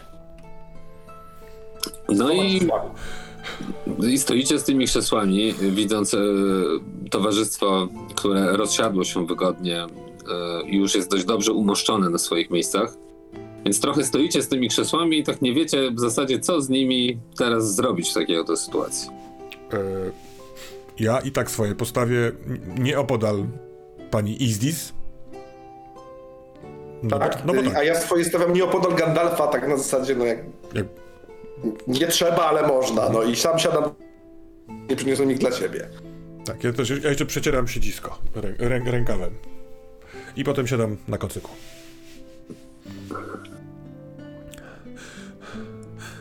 I po chwili jeszcze takiego y, rozmawiania trochę o niczym, y, Gandalf nawiązuje i mówi: Doszły mnie, jak już powiedziałem, słuchy o waszej wyprawie i czynach, choć bardziej o efektach, jakoby dzięki wam na trwałe otworzony został y, szlak do Tarbadu. Ale słyszałem również kilka innych niepokojących pogłosek, przede wszystkim tym, z kim mieliście tam do czynienia i, i podobno zostawiliście jakiegoś niesamowitego strażnika tego, tego szlaku. Możecie mi powiedzieć e, dokładnie o co chodzi? Ja patrzę na Dranila, on jest od mówienia Mhm. poważnych rzeczy. Tak. Natrafiliśmy na upiory, które nie wiedziały, że ich czas przeminął. Strażnicy nieopodal traktu. I na wilkołaka, którego muszę określić wpływem nieprzyjaciela. Stada wilków, które tamtędy przechodziły, atakowały podróżnych. Ledwo uszliśmy z życiem i tylko pomoc z jaw sprawiła, że pokonaliśmy takiego wroga. Zjawy pomogły wam w walce z wilkołakiem. Tak było. Chociaż przyznam, że to możemy zawdzięczać nie mojej wiedzy, a raczej sercu e, Ludo. Słucham? Tak, Ludo. zapatrzony w naszych gości, ja niespecjalnie słuchałem. Ja spodziewałem się wrogości w zjawach i sięgnąłem do broni. Niesłusznie. Aha. Ale okazuje się, że porozmawianie z nimi, wysłuchanie ich historii i potrzeb dało nam nietypowych sojuszników. I cóż z nimi się stało? Hmm. Dodraniu zapada w milczenie, zastanawiając się. Może oddaję trochę tę opowieść. matka, Mistrzu Gandalfie, ja, ja tylko chciałem powiedzieć, że e, sz- szkoda, że cię z, z nami nie było, ale żeśmy sobie jakoś poradzili. Adrani jak zwykle e, e, mówi zdawkowo, a tu trzeba powiedzieć, że jakby nie jego męstwo i to, że, e, e, że- się, że umie robić bronią jak należy e, i głowę na karku trzymał, to żeśmy całe te tarapaty jakoś przeżyli.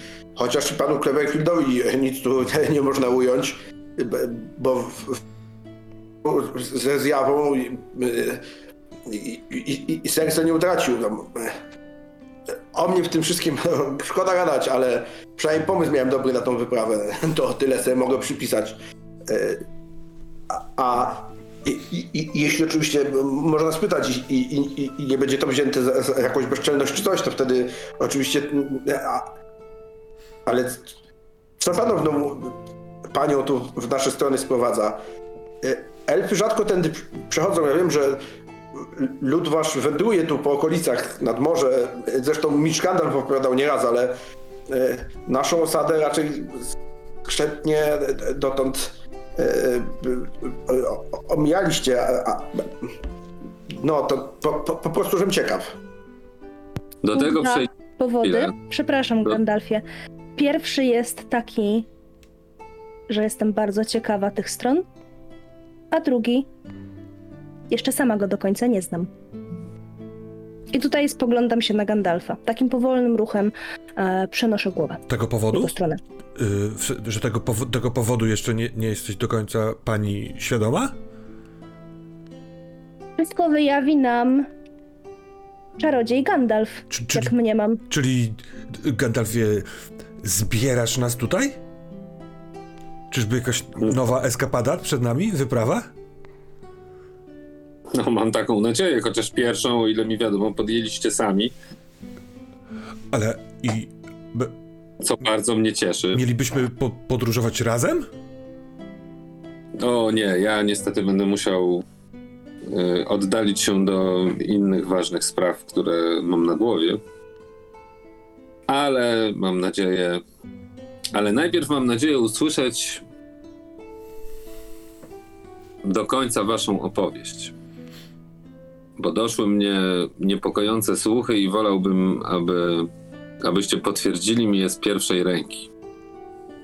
A więc jak rozumiem, pokonaliście wilkołaka. Na śmierć. Zgadza się. No, za co, jak rozumiem, ch- większość chwały należy się zacnemu Adranilowi. Nie Tak jest, określiłbym mistrzu tak tego. Gdyby nie zjawy, które tam były, nie wygrałbym tej walki. A cóż były to za zjawy? Były to zjawy z ze starych czasów, jeszcze z kiedy nieprzyjaciel dawny sięgał tutaj swoimi legionami. On nagle wstaje takim bardzo szybkim, zadziwiająco szybkim jak na y, wygląd ruchem. Robi jednego, drugiego susa i podnosi miecz, który leży przed tobą. Adranilu. mhm. Obserwuję spokojnie. Tak, Podnosi go do góry i patrzy na niego. dobrze podejrzewasz, czarodzieju. Ta broń wydaje mi się, że należała do króla Galaneta. Tego, który był wilkiem. Po tylu latach jego duch nie znalazł spokoju, ale nawiedzał tamte ziemie i prowadził wil- inne wilczury. Czy upiorem byli jego rycerze? Tak, jego rodzina, Jego żona i córka. księżniczka i królowa. Mamy też tutaj diadem księżnej. A, tak, gdzie? I- jasne, i ja y, biegnę do worka, w którym on jest przechowywany i próbuję go wyciągnąć jak najszybciej. I cóż stało się z tymi. z tą księżniczką i księżną? I z tymi rycerzami? Bo wilkołaka zabiliście. Wilki zapewne rozpierzchły się.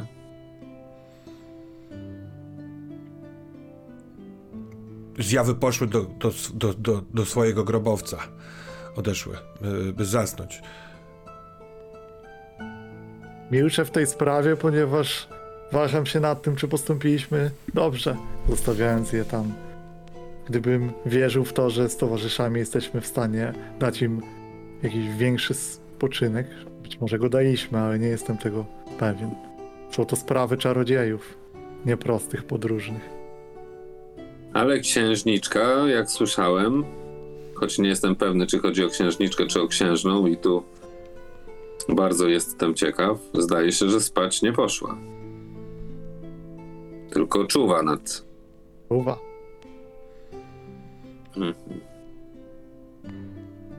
Myślę, że, do, że dobrze by było, żeby być może ktoś twojej profesji odwiedził to miejsce.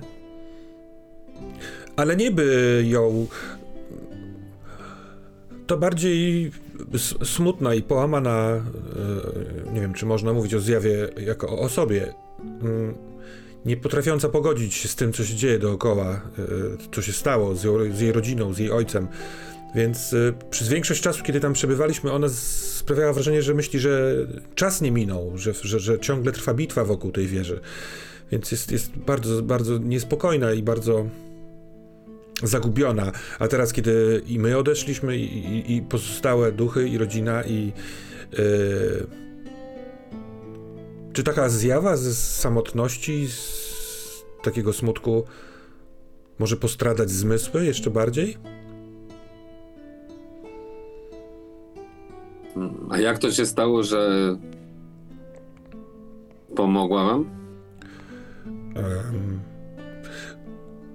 Kiedy Adranil i Persji toczyli waleczny bój z wilkami, ja oczywiście nie nadając się za bardzo do takich y, przygód i awantur, y, y, ro, rozmawiałem z nią. Akurat. I? Jaki był efekt tej rozmowy? No, pokazywałem jej przez okno, jak wygląda naprawdę teraz świat, i ona powoli, tak jakby przychyliła się do tego, że Obudziłeś upiora. Ciekawe, ciekawe. ja, ja, Rzadko się. Ja myślę, że to coś strasznego, jakaś, jakieś oskarżenie i patrzę przez chwilkę na niego, ale też na Adranila i na Persiego, żeby mi trochę obronili. Ja nikogo nie budziłem. Y, Ciekawe. Mistrzu, mistrzu Gaddafi, z całym najwyższym, najwyższym szacunkiem, ale y, ludzie gadają, że ty masz w pewnym sensie w, w zwyczaju wziąć ze sobą takiego ho- hobbita, on potem po- połowę spraw za ciebie załatwia. Może byś raz z, nami poszedł. Wtedy kto załatwiałby te sprawy? Może tamten hobbit, z, tego co wiem, ten cały pan Baggins to jeszcze w dobrym zdrowiu i kondycji. Może, może niech on je pozałatwia. Pana Bagginsa zostawmy jego własnym sprawom. A was chciałbym prosić o co innego, ale zanim do tego przejdziemy, to chciałbym jeszcze zadać jedno pytanie. Czy przyszło wam może do głowy, albo czy może znaleźliście jakąś wskazówkę? Jak to się stało, że te upiory żyły tam i czy one żyły tam długo, czy pojawiły się dopiero jakiś czas temu?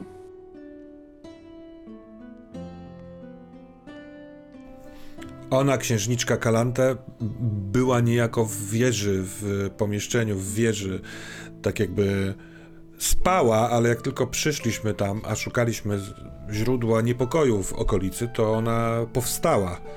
Tak to pamiętam. Y, Niejako potrzeba ochrony tego miejsca sprawiała, że cały czas była w czujności, ale reszta zjaw e, była w grobowcu. W, Ale czy była tam, że tak powiem, czujna, czy były tam jakieś legendy o nawiedzonym zamku? Czy Niestety, miejsce coś o tym? miejsce to było już zniszczone i opuszczone. Mieszkańcy niestety trafili tam, szukając schronienia przed wilkami. Tam klątwa tego miejsca ich dopadła. Nie chciałbym w taki piękny dzień wspominać o tym, gdyż jest to ciężkie wspomnienie, ale Ale lepiej którzy tam, ci, którzy się tam znaleźli, wierząc w, jakby w sen księżniczki, uwierzyli w groźbę nieprzyjaciela, który jest wokół i wszyscy odebrali sobie życie.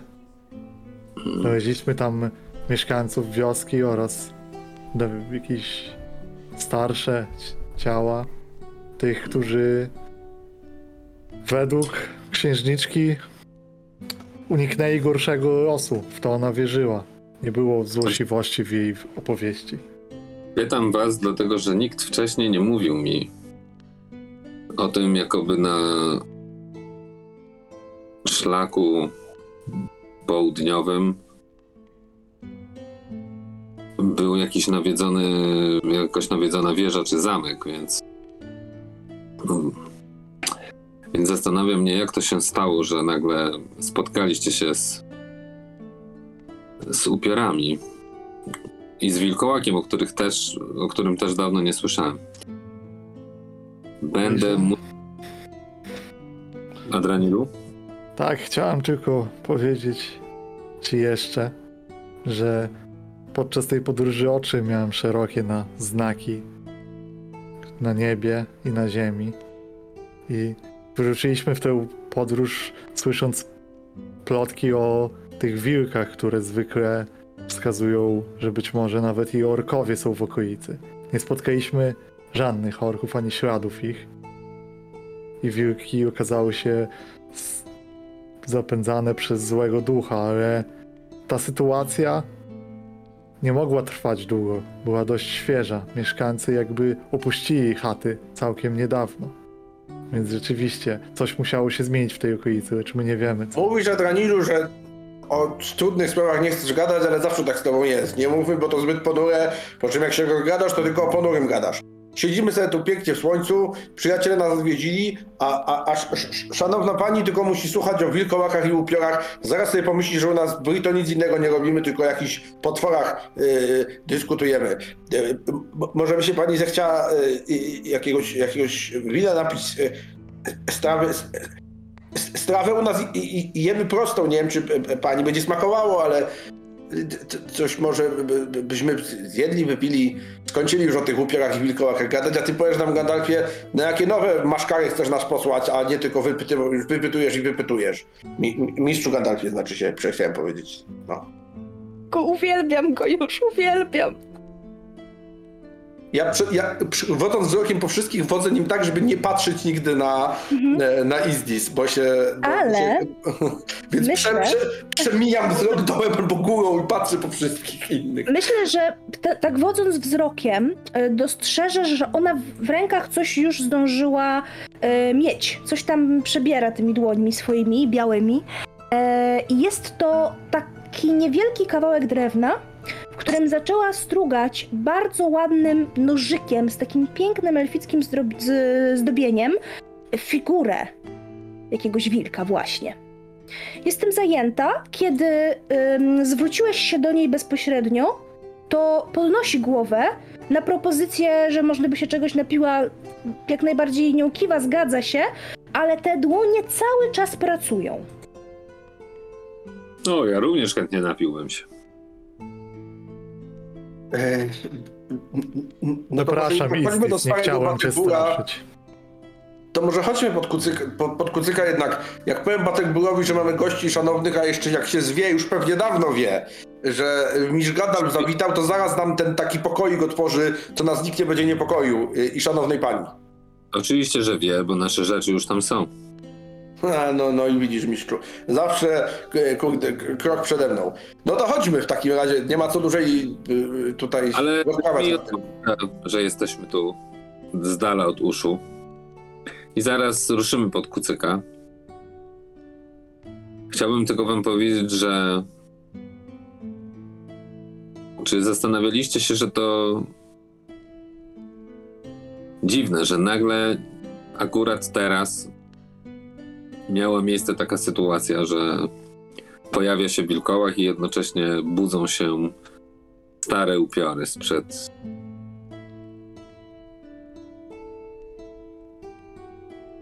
właściwie z zapomnianego czasu.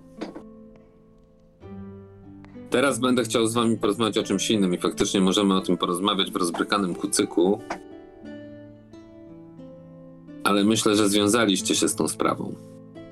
Gandalfie, wybacz mi, że ci przerywam, ale jest jeszcze jedna rzecz.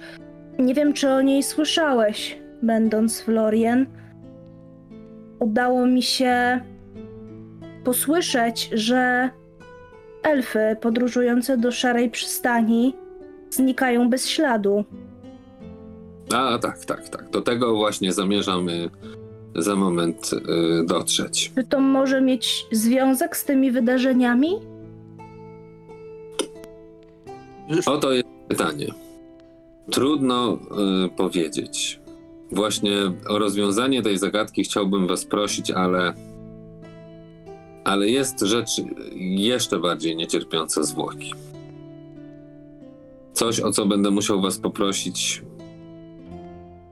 i mam nadzieję, szanowna Izdis, że przyłączysz się, jeśli oczywiście panowie wyrazicie taką ochotę i wolę. Y, Je- je- Jeśli pani oczywiście be- be- be- będzie chciała z, z, z nami gdzieś łazić. Z pewnością nie będę taką pomocą jak Gandalf, ale mam nadzieję, że na coś się przydam.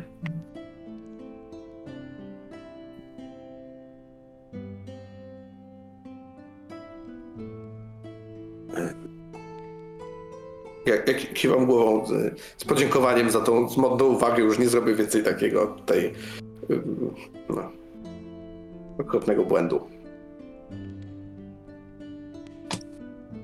Chciałbym pomóc mojemu serdecznemu przyjacielowi i jednocześnie no było nie było władcy twojemu Izdis.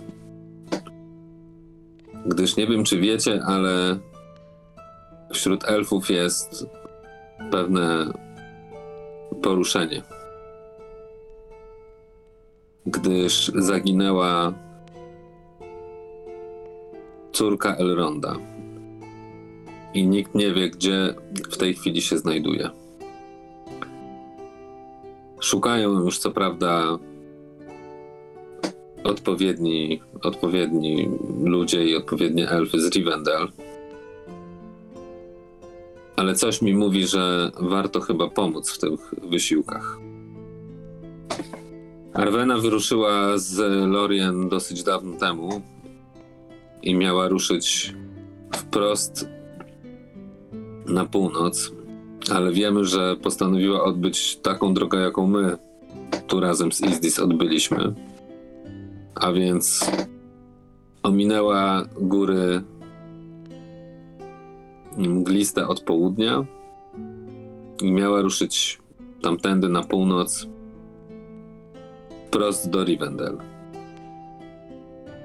Mistrzu, ale czy taka e, córka króla el- elfów to nie podróżowała z jakąś obstawą elfich wojowników? podróżowała. I tym bardziej dziwne jest, że słuch o nich zaginął.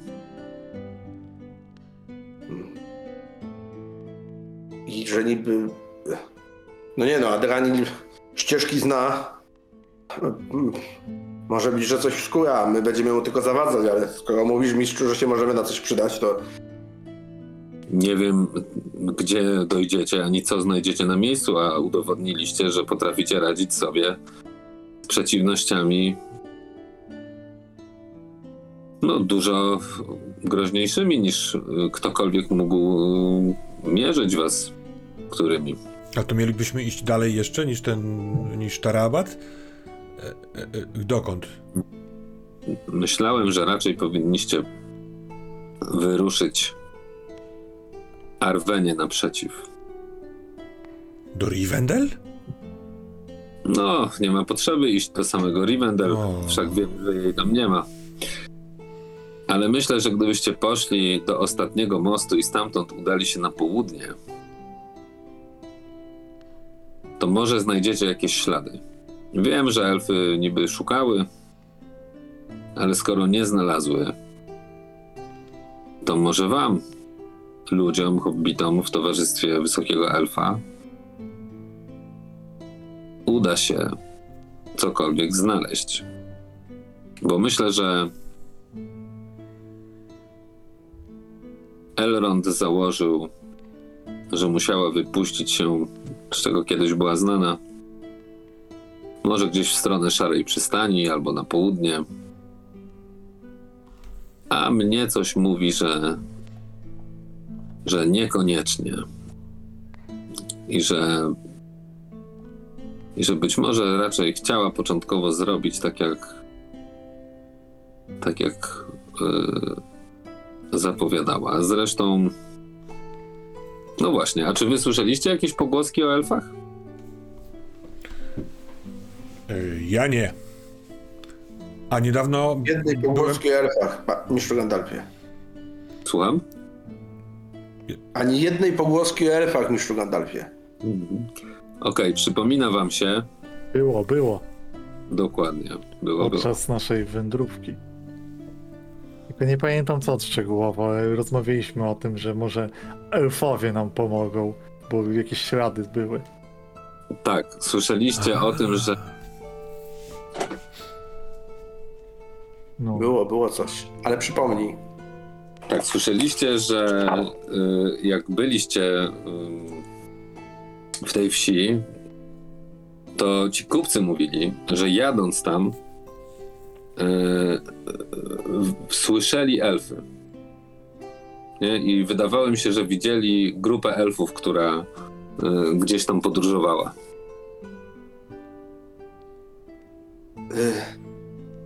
Ale Adrianilu, te, te elfy, co ci kupcy mówili, to, to było tam na południe dalej. To, to mistrzu, to, to mamy iść tam, twoim zdaniem, gdzie żeśmy tę pogłoskę słyszeli, czy bardziej do ostatniego mostu? Bo ja się już zupełnie pogubiłem w, w tych twoich planach. To może być tak, że te elfy mogły szukać jej? Ale wtedy rzeczywiście szukają jej, o- jej... Nie wiemy, ale było to, jak sądzę, pewnie jakieś 3-4 tygodnie temu, prawda? Tak. Mhm. Gdyby ruszyć z ostatniego mostu wzdłuż rzeki, Tak, szarej dlatego, wody, dlatego że tutaj te elfy, o ile mi wiadomo, nigdy nie dotarły. w kierunku Tarbadu. Być może z, z ostatniego mostu należy przeczesać szlaki. W Tarbadzie też ich nie było. Wyście byli w Tarbadzie, nie? Yy, Izdis. Przechodziliście z Gandalfem przez Tarbad. Nie, nie zabawiliście tam długo, ale widocznie wystarczająco długo, żeby, żebyście zdobyli tę informację, że w samym Tarbadzie i w okolicy nikt takiego, takich elfów nie zaobserwował. Elfy mają to do siebie, że potrafią umijać takie miejsca raczej yy, niezauważone. No ale ani nie widziano ich w Bri, ani nie widziano ich w Tarbadzie, ani nie widziano ich e, w Shire. Więc bardzo możliwe, że zgodnie z planem ominęły południowe wzgórza i ruszyły w kierunku e, Rivendell. A to oznacza, że bardzo być może dotarli bezdrożami albo do ostatniego mostu, żeby przekroczyć rzekę Hordwell. I tam mogło się coś zdarzyć. Nie sądzę, żeby dali się pochwycić trollom w ich siedzibach. Wiedzieli doskonale o tym, więc raczej myślę, że coś mogło się stać pomiędzy. E, e, e, Gdzieś na, pustowy, na pustkowiach Kardolanu albo w Klinie. Mistrzu, e, mistrzu Gandalfie, e, po, po, poprawnie jak będę gadał głupoty, ja to wiem takiej starej książki, co e, w moim rodzie jest od pokoleń przekazywana taka kronika stara. E, Ta, ta, tam jest napisane, że e, na, na zachód trochę od, od gór e, jest region, co dawniej elfy w nich mieszkały. E, To się nazywa właśnie chyba region. E, Tak coś pamiętam. Może te, może ta księżniczka elfia postanowiła te stare strony elfów zobaczyć, co kiedyś tam były, a teraz ich nie ma. To jest Może. e, gdzieś ich tam, nie? Nawet chyba bliżej gór, wydaje mi się. A czy o, e, Ale- Gandalf, mówiąc o tym, pokazuje nam jakąś mapę? Mówimy o jakiejś mapie, czy to jest taka rozmowa w sensie, e, to są Nie, on to sobie, on to sobie rzuca, ale oczywiście, yy, ale oczywiście później siądziecie nad mapą. Tak, tak, chodzi, chodzi mi o to, że na zasadzie na ile możemy się zaangażować w dopytki, w sensie, ja mówię ze swojego punktu widzenia, bo jak mówicie w abstrakcji y, y, o nazwach własnych, to Ludo siedzi i się zastanawia, gdzie to może być. Czy tam jest ładnie, czy to jest daleko? I to mi zupełnie wystarczy, ale chciałem uściślić. Yy, Gdy wrócimy pod rozbrykanego kucyka, to będziemy mogli obejrzeć mm, jakieś mapy, żebyście mieli Mapy. pojęcie. No to z Mapy. mapą się na pewno nie zgubimy.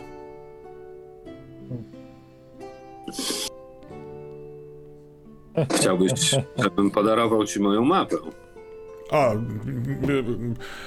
nie zwykłem kłamać, więc tak chciałbym i tak trochę myślałem, że to o tym mówisz, ale jeżeli się pomyliłem, to może odrysuję. Pomyślę o tym, żeby, żebyś mógł sporządzić sobie jakiś odpis.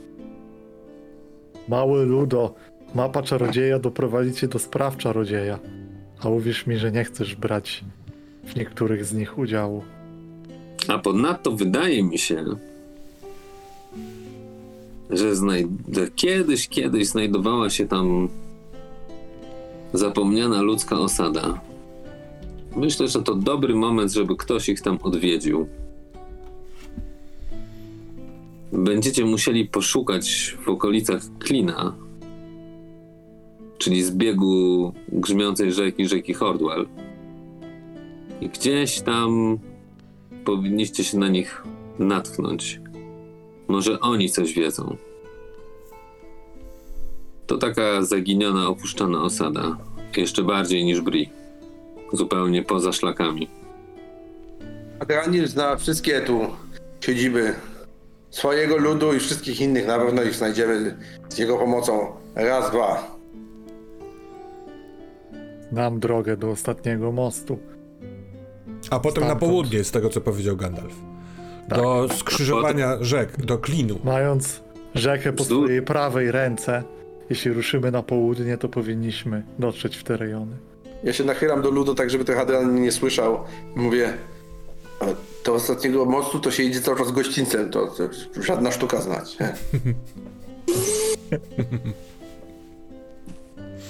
Ale Adradiu, nawet jeśli to usłyszał, to nie, nie obraził się. On zawsze mówi po prostu faktami, jest do, do bólu szczery. Pytanie, czy zechcecie podjąć się tej wyprawy?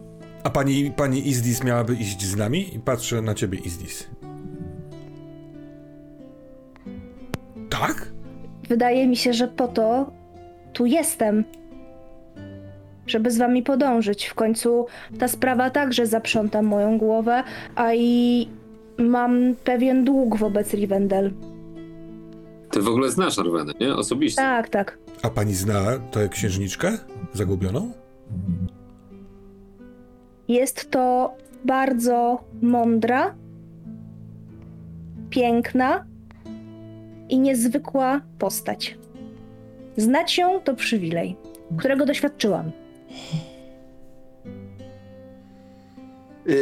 Pe- Percy się zbiera na, na, na dworność i mówi to, to, e, to zupełnie jak z, z, znać panią. To, to, też właśnie jest właśnie to. Bardzo dziękuję. Ja Gandalfie się podejmę. No, jak on się podejmie, to ja nie mogę puścić go samego, bo ledwo wyjdzie na gościniec tam kawałek y, na wschód, gdzie nie chodza normalnie na co dzień i zjedzą go wilki albo upolują go gobliny, więc też muszę iść. A Adranil zna drogę do ostatniego mostu, więc chyba... Adranil to w ogóle jest tak naprawdę cała nasza kompania, a my jesteśmy tylko po to, żeby miał z kim pogadać, kiedy załatwia te wszystkie ważne sprawy, więc jak na moje to musisz iść Adranilu, bo Pogadać. Adranil. też się śmieję, się śmiejemy obaj. Tylko jeśli nauczycie mnie jakiejś pieśni. Hmm. To było chyba próba poczucia humoru ze strony Adrenila i spadła taką ciszą zupełną. Czyli zgadzacie się wszyscy? Będę mogła z wami podróżować? pewnie... To będzie zaszczyt y, dla mnie przynajmniej. Jestem taka No. szczęśliwa. Będzie to zaszczyt dla mnie, że udało mi się tworzyć tak zacną drużynę. Gandalfie, czy Strażnicy Północy wiedzą już o tym zaginięciu? Z pewnością. Ale tak jak mówię, coś mówi mi, że warto pójść, odszukać tamtą osadę, zobaczyć, czy jeszcze tam tli się jakieś życie. Dawno, dawno tam nie byłem. Coś mówi mi, że jest to jeden z niewielu miejsc, które być może elfy do tej pory przeoczyły. A przynajmniej te, które rozesłał Elrond. Chyba nie sądzi, że jego córka mogłaby być tak blisko. Zobaczymy. To mamy to ustalone. Moją zgodę musi przypieczętować jeszcze jedna rzecz. Musisz Słucham zrobić, cię. jakieś, musisz zrobić jakieś czary. Mogą być łatwe. No, możemy zrobić po prostu konkurs w puszczaniu kółek z dymu. Ale to przecież nie czary. No, to z- okaże się, jak będziemy puszczali. Dobra, y, y, może być byle były czary ewidentne. To co, chodźmy pod tego kucyka, bo y, nam szanowna pani wyraziła już wcześniej chęć y, wy, wypitku i, i po, po, je- po jedzonku. Y, no, chodźmy. A co to takiego? A za- Pytam Iz, Izdis, y, patrząc na to, co masz w rękach, bo od jakiegoś czasu y, coś rzeźbisz? Coś, coś tam robisz? Ja myślę, że ten wilk już jest gotowy. Jest. Ma taki drapieżny wyraz wilka. Jest potężny. Wi- Widzisz tę potęgę nawet w tej małej figurce. Takie grube łapy, e, najeżoną sierść, pysk z pazurami. E, Izdis podaje ci go, tę figurkę. Czy znasz historię, historię o Lutien? Nie. Arwena czasami jest nazywana imieniem podobnym do Lutien ze względu na jej piękność.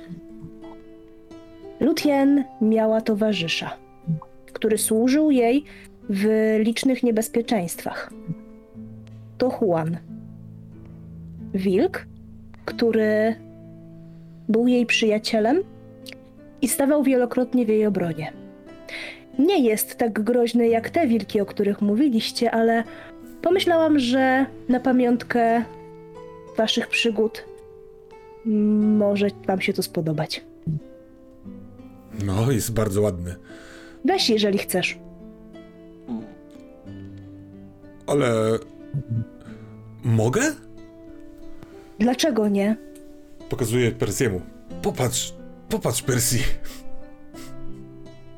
Piękny, jak żywy. Też go bi- biorę na chwilę z rąk. no marzy swój. Percy to mówi z takim leciutkim żalem, że on nie dostał, ale jakby też taką akceptacją, że nie będzie o to kręcił tutaj żadnej kłótni. Tak, to ja, e, jako że nie mam ze sobą bagażu swojego, tylko tak jak stoję, nie chcę go wypuszczać, chować do kieszeni, więc e, trzymam go w ręku i co, zbieramy rzeczywiście koce i przenosimy się do rozbrykanego kucyka. Dziękuję. Przygotowania do tej wyprawy zapewne zajmą wam chwilę. E, Mechanicznie chciałbym, żebyście przypomnieli sobie, powinniście to gdzieś mieć na swoich kartach, bo powinniście mieć e, takie e, przedmioty, które dodają wam mm, w różnych sytuacjach plusy. Pamiętam, Mamy. że tak, pamiętacie? Więc jeżeli teraz chcielibyście je jakoś zmienić sobie na tą wyprawę, wziąć sobie co innego, to jest na to jakaś tam szansa. Ty, ty jesteś w stanie wyjaśnić szybko ograniczenie ilości tych przedmiotów, bo nie zrozumiałem tego czytając. Usłyszałem jakiś. No więc yy, A myślę, jeśli nie, to nie. myślę, że y, powinniśmy ograniczyć się do tej ilości, którą mieliśmy poprzednio. Okej. Dlatego mówiłem o wymianie ewentualnej, nie? No dobra. Ja zostaję z niechybnym mieczem, z dobrą fajką i z kosztownym kapeluszem. Uważam, że to jest wszystko, co potrzebuje Ludo do podróży. Mam napisanego na, kar- na karcie też konia Witsa. Czy my mieliśmy Tak. konia takiego, który... Na- to, to jest taki wspólny koń, tak? A koń, który nosił wam yy, przedmioty różnorakie. Oszczędzał nam zmęczenia. Jedzenie. Tak, i teraz, teraz tak, jeśli chodzi o yy, punkty yy, wytrzymałości, to macie maksa. To myślę, że jest oczywiste. Ty jesteś Adranilu wyleczony z rany. Mhm. Tak. I razem z informacją o wierzchowcu powinna być również informacja o wigorze tegoż. Tak, ma dwa. Dokładnie.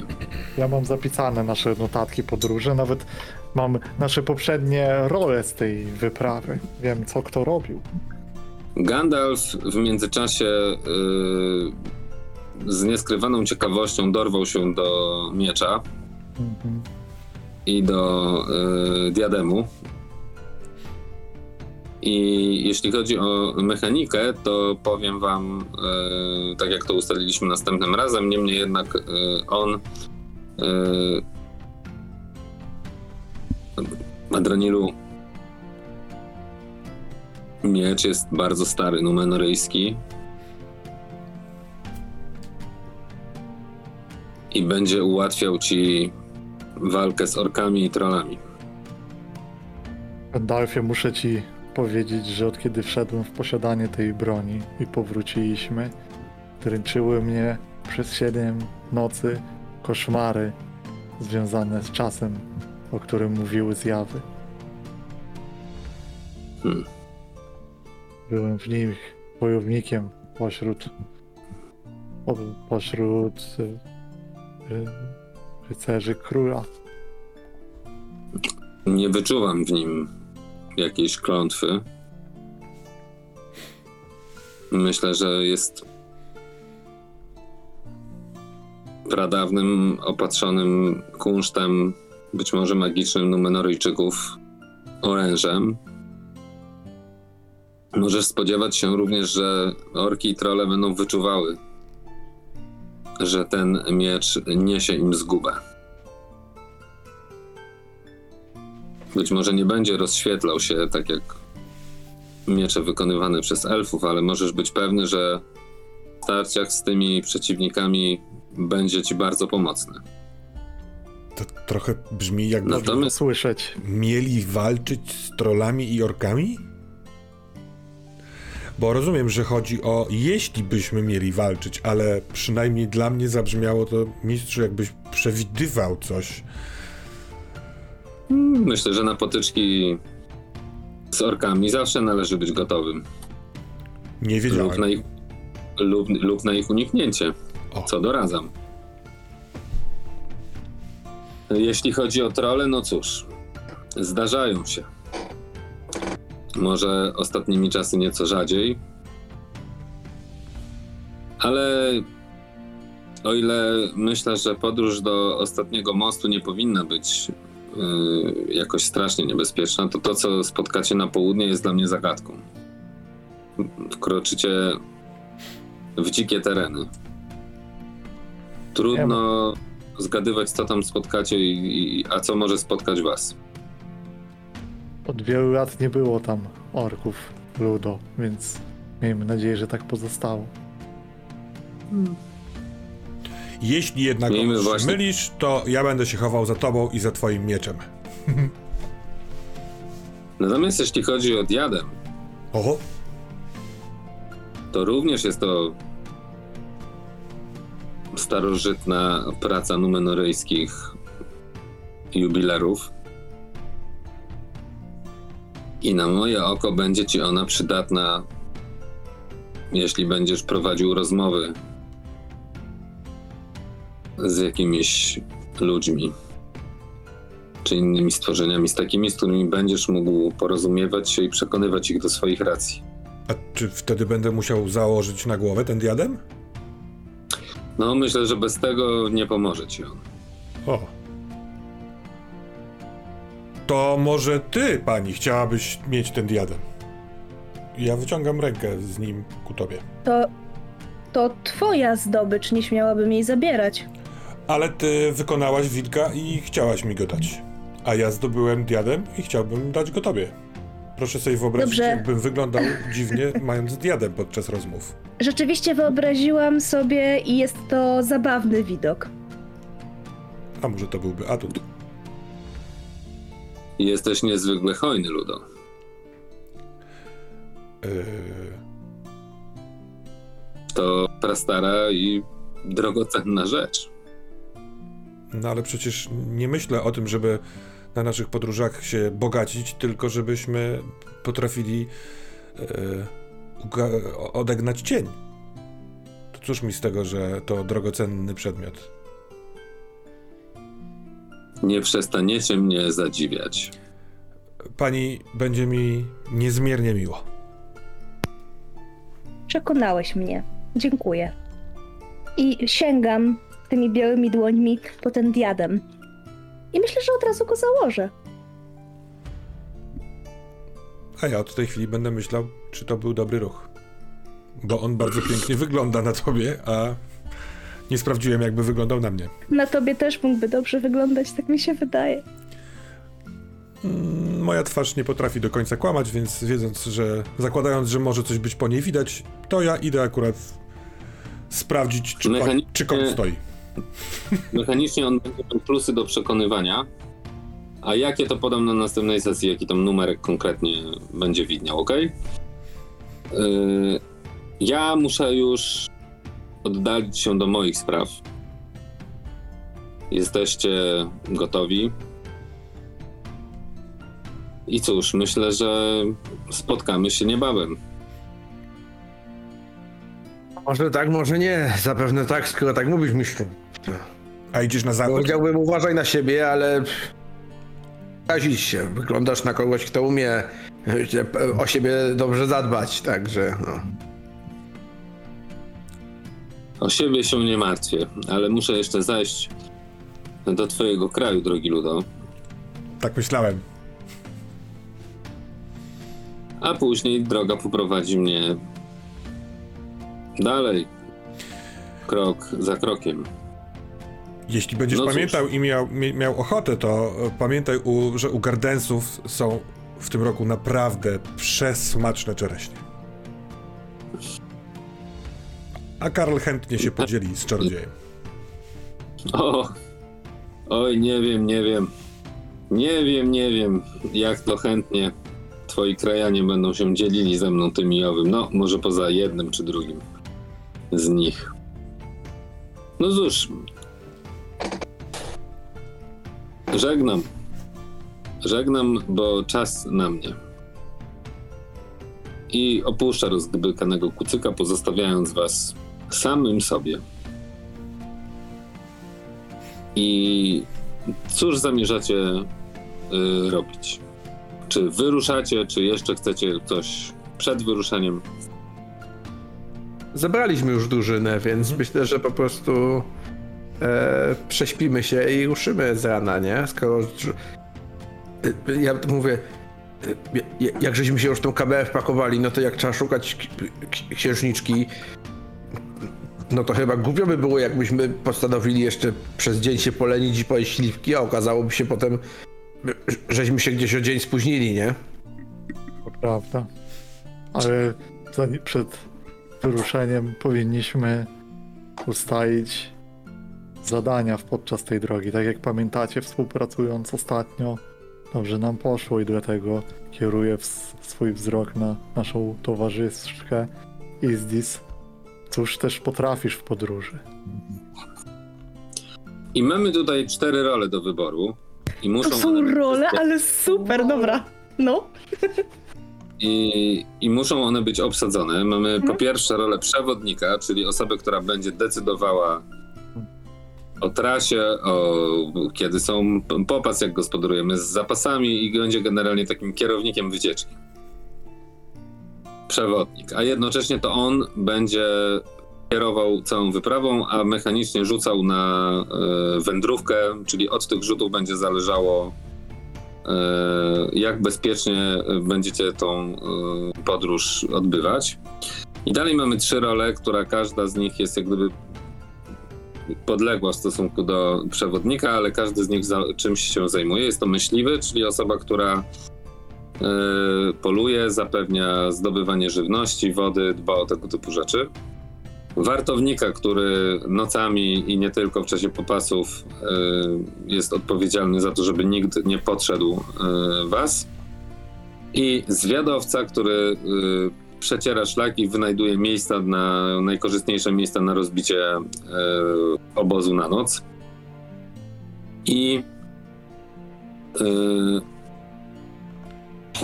Zwiadowca rzuca na rekonesans, zwiadowca rzuca na rekonesans. wartownik na czujność, O, i to mnie interesowało. a myśliwy na polowanie. się, że um, Izdis nie jest najlepszą wędrowczynią, jak okazuje się po raz kolejny. E, ale myślę, że, że ten wartownik brzmi najsensowniej. Więc kiedy ją pytasz o to, to wszyscy widzicie na jej twarzy taki moment zawahania. Jak to? obowiązki podczas podróży, to coś trzeba robić. I ona nie wie, co ci odpowiedzieć. A, a może wejdźmy na tak zwany krótki metapoziom, żebyśmy po prostu ogarnęli mechanicznie, kto do czego się nadaje? No, myślę, że ja do tej, e, do tego wartowania to jest najsensowniejsze, bo reszta moich umiejętności niestety nie będzie do tego służyć. No moment, nie mamy tutaj łatwo, bo ja z kolei jestem wędrowcem, ale ty też, Adranilu. Yy, Ja natomiast też. Najlepsze co mam to wędrówka, a te wszystkie inne. em, No to po, możemy pomyśleć o tym. Ja mam wędrówkę. E, z, jak to się nazywa, że się ma tu przewagę, Wzmocnione. tak? Wzmocnione. Mam wzmocnioną i trzy kostki. ja mam wzmocnioną i dwie kostki na poziomie trudności 14.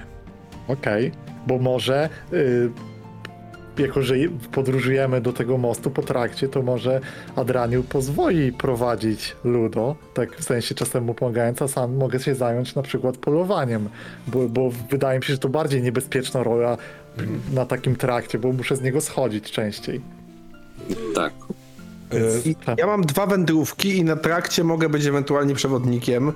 Czy mogę robić cokolwiek innego? Rekonesans mam na jeden, czujność mam na jeden, polowanie mam na jeden, czyli mogę być drugim wyborem każdej z opcji. Sądzę w takim wypadku, że jako, że ja mam zero rekonesansu, to tobie Persji by pozostał rekonesans, jeśli Izdi zbierze y, czujność i wardownika, a ja na tej wędrówce w takim wypadku, Mhm. przepraszam, że tak wejdę, ale bo ja nie mam rekonesansu i polowania w ogóle. Czujność mam, ale mam też wędrówkę. Jak najbardziej. w dwójce. Ja jako myśliwy, czyli myśliwy z siebie zapisuję. Ludo jest wtedy, jak to się nazywa, przewodnik? Tak. Przewodnik. A Persji e, zwiadowca. Tak. I oczywiście możemy rotować w tym, ch- chociażby dla samej na razie- przyjemności rzucania, ale może tak rozpocznijmy.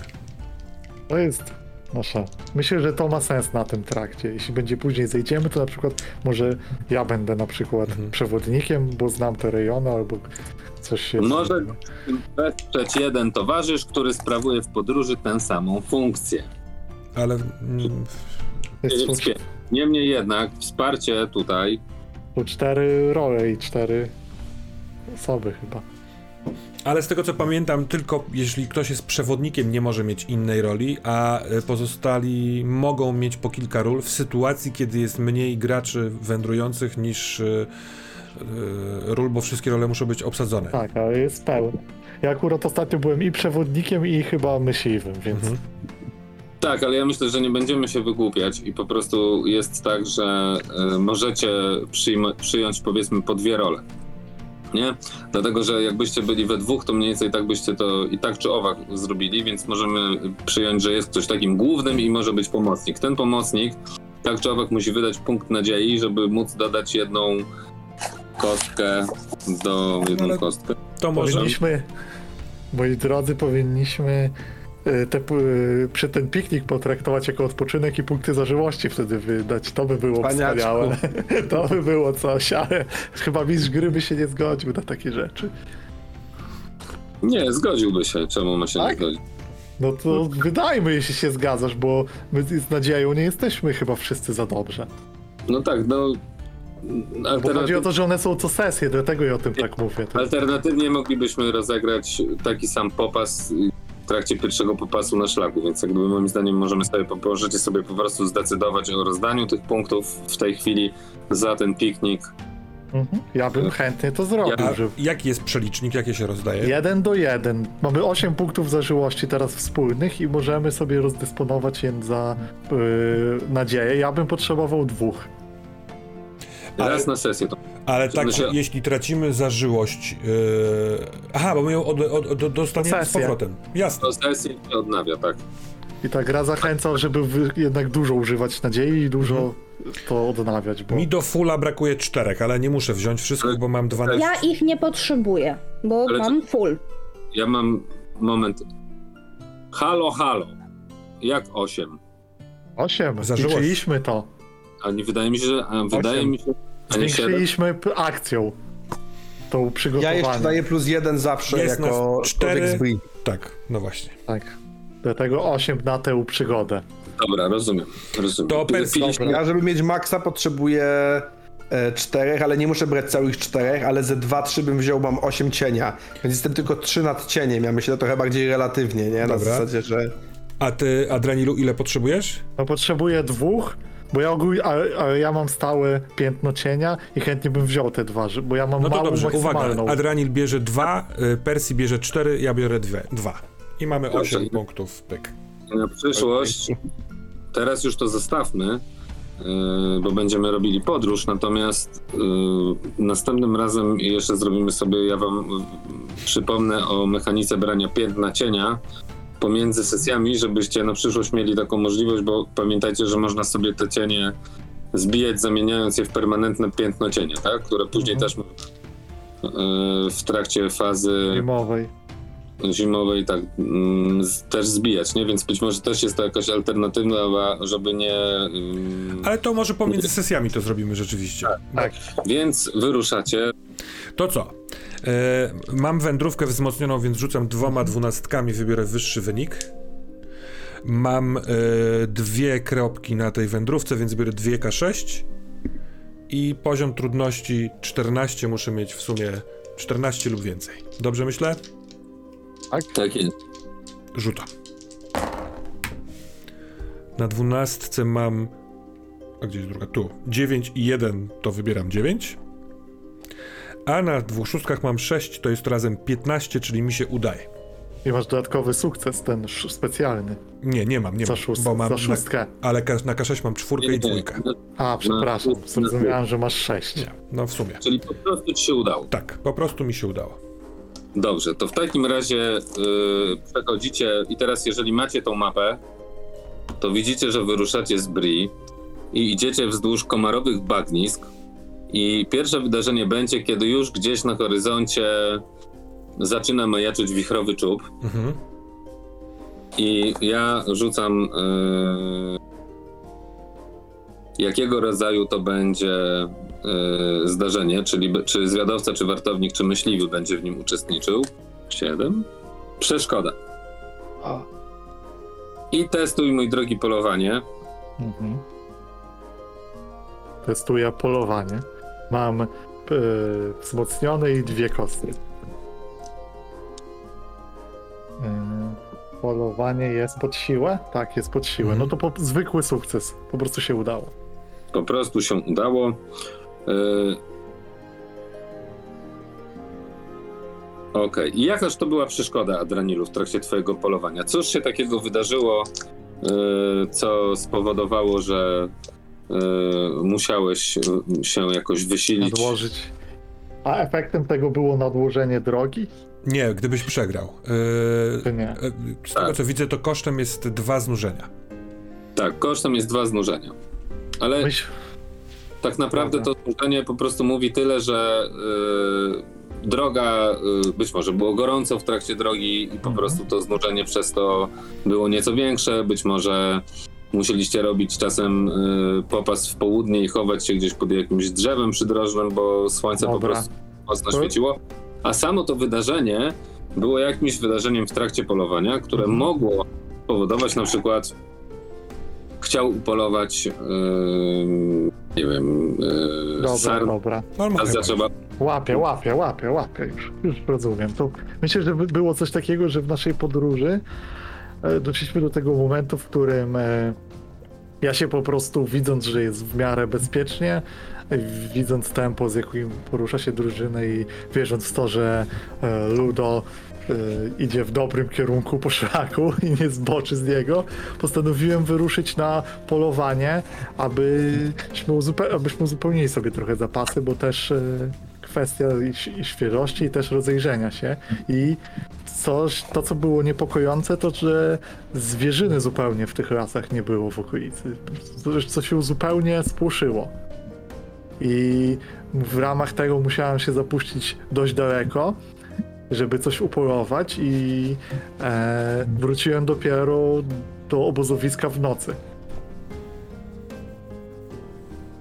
Ale za to z zającem pod z pachą. zającem. Więc pytanie teraz do ciebie, mistrzu, czy wątek tego spłoszenia zwierzyny jest tu gdzieś grywalny dalej, który podrzuciłem, czy jak to wygląda w naszej podróży? No zobaczymy, zobaczymy. To, to wprowadzam to do fikcji.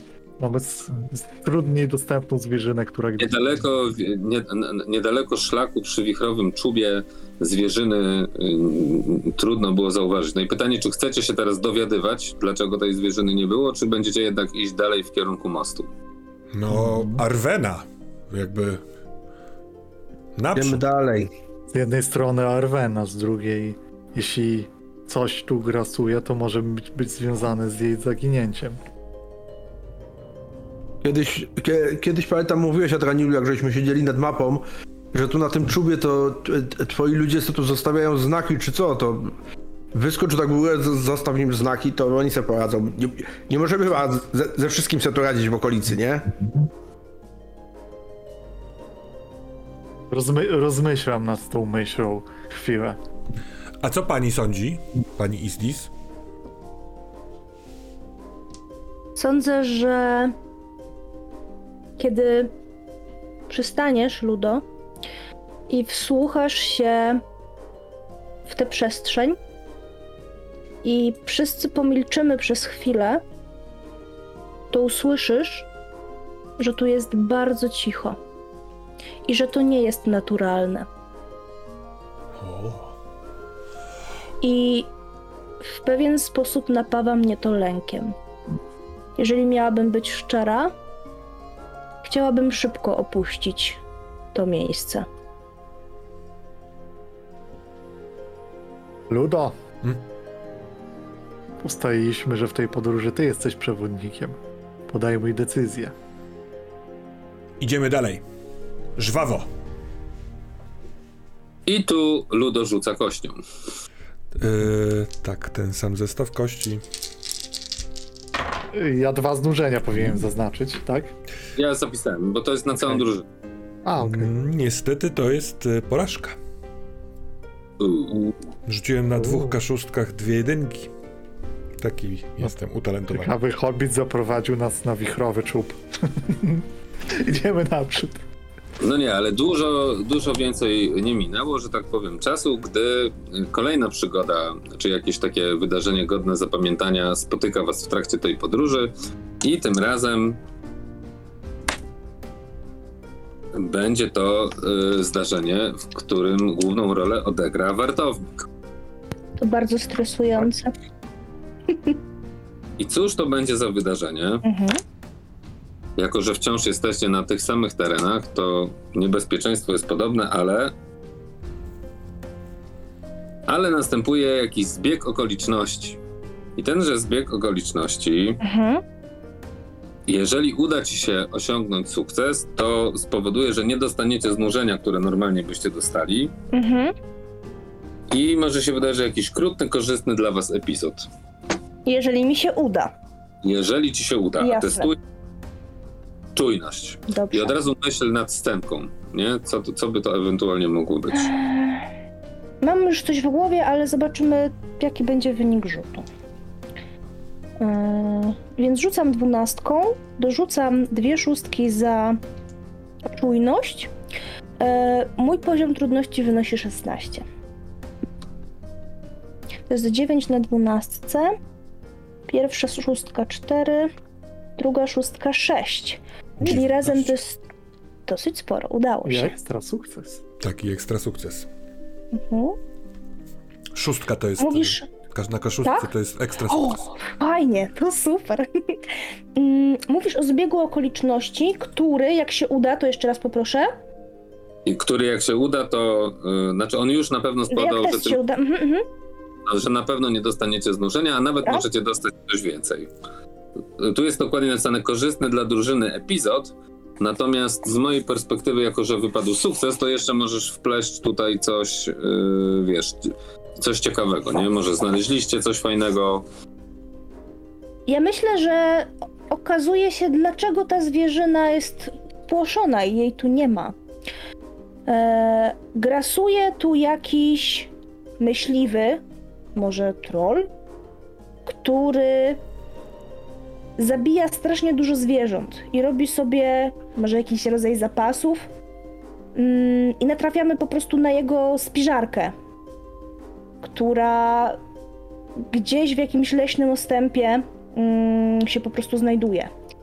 I tego jest o wiele za dużo do przejedzenia, nawet dla jednego trola, Yy, ale na pewno sprawia to, że wiemy, gdzie te zwierzęta się zniknęły albo pochowały, wiedząc, że tu nie jest bezpiecznie w tym momencie, bo ktoś zabija więcej niż potrzebuje. A ciekawostka jest taka, że po prostu, jako że wiadomo, że trole polują nocą, gdyż w dzień muszą ukrywać się Mhm. przed promieniem, to jako wartowniczka, zamiast stać na warcie, postanowiłaś oddalić się gdzieś od obozowiska. Bo nocą jest piękniej, można posłuchać gwiazd. Tak jest. I dosłyszałaś jakieś właśnie kroki, oddaliwszy się całkiem sporą odległość od obozowiska i postanowiłaś sprawdzić. Mm, On jakoś nie raczył był zauważyć twojej obecności. Natomiast ty zauważyłaś, być może słyszałaś czy, jakiś dźwięk, jak on jakiś kamień odwalał z wejścia do tej swojej spiżarki i tak dalej. Więc jak już y, odszedł gdzieś polować, na początku twojej warty, to natknęłaś się na jaskinię i tam właśnie e, zgromadzone zapasy. Niestety skarbów nie było. Jakiś widocznie to jakiś troll, e, u którego albo może ze sobą nosił te najcenniejsze przedmioty. Natomiast z pewnością, chociaż wiesz co, Chcesz znaleźć tam jakieś y, złote monety albo coś w tym stylu? Może jakiś y, pierścień? No bo jest, sam, sam sukces jest korzystnym epizodem, a tutaj był dodatkowa e, jakby poziom tego sukcesu, no nie? Powiedzmy, że znalazłaś tam jakąś, może całej skrzynki. Ja mam taki pomysł, żeby to była złota opaska. Nie pierścień, a opaska na czoło. I jest to skarb o wartości 1, Okej. A co za tym idzie, musisz sobie go, jak sobie wpisasz, to pamiętaj, że, ten, że oprócz tego jeszcze tam były jakieś złote monety, które też wzięłaś w sakiewce.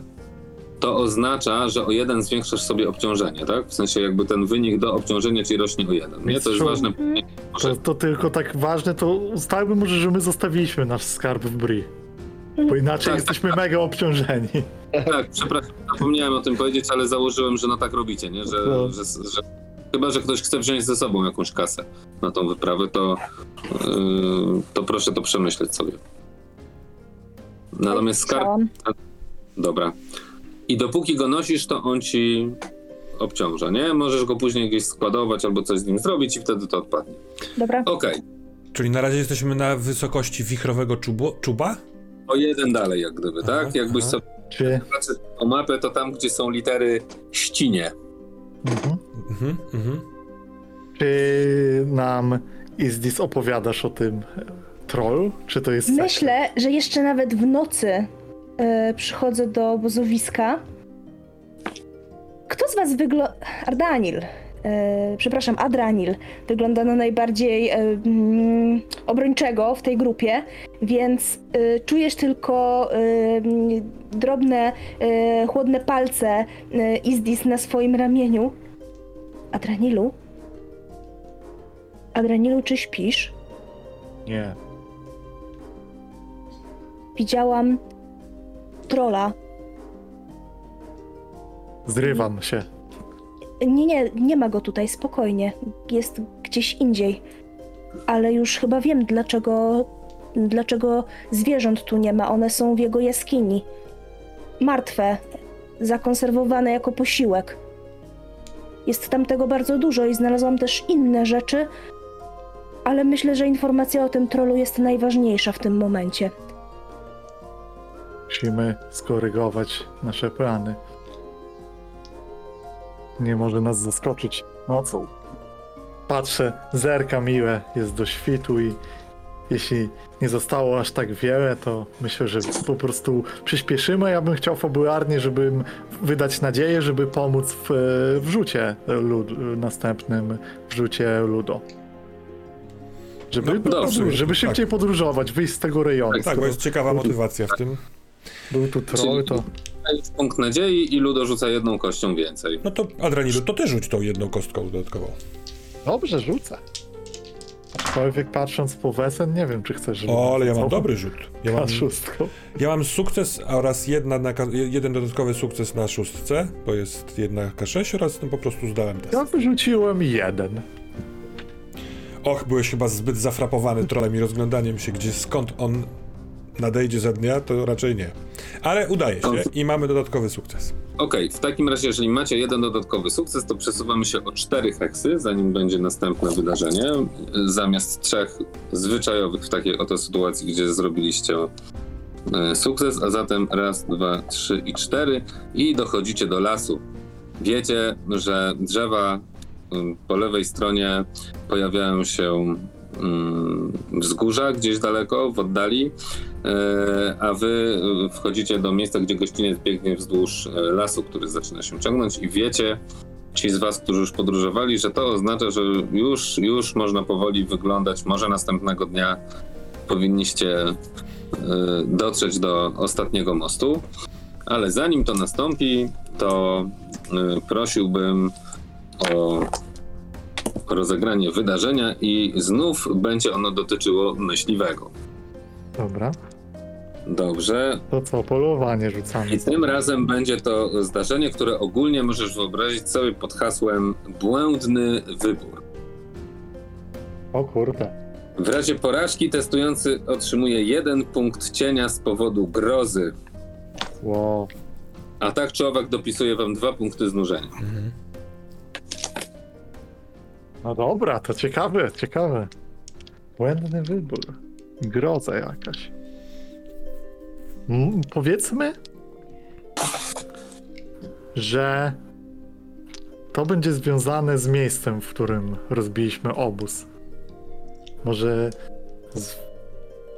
po prostu Wybór rzut, rzut, przepraszam, nieudany rzut wywołuje u testującego żal i Mhm. złość. Zwiadowca spędził bezsenną noc na poszukiwaniu właściwej drogi, myśliwego dręczyła myśl o kurczących się zapasach, albo wartownik nie potrafił uporać się z lękiem. O, wiem co wie to będzie w takim razie.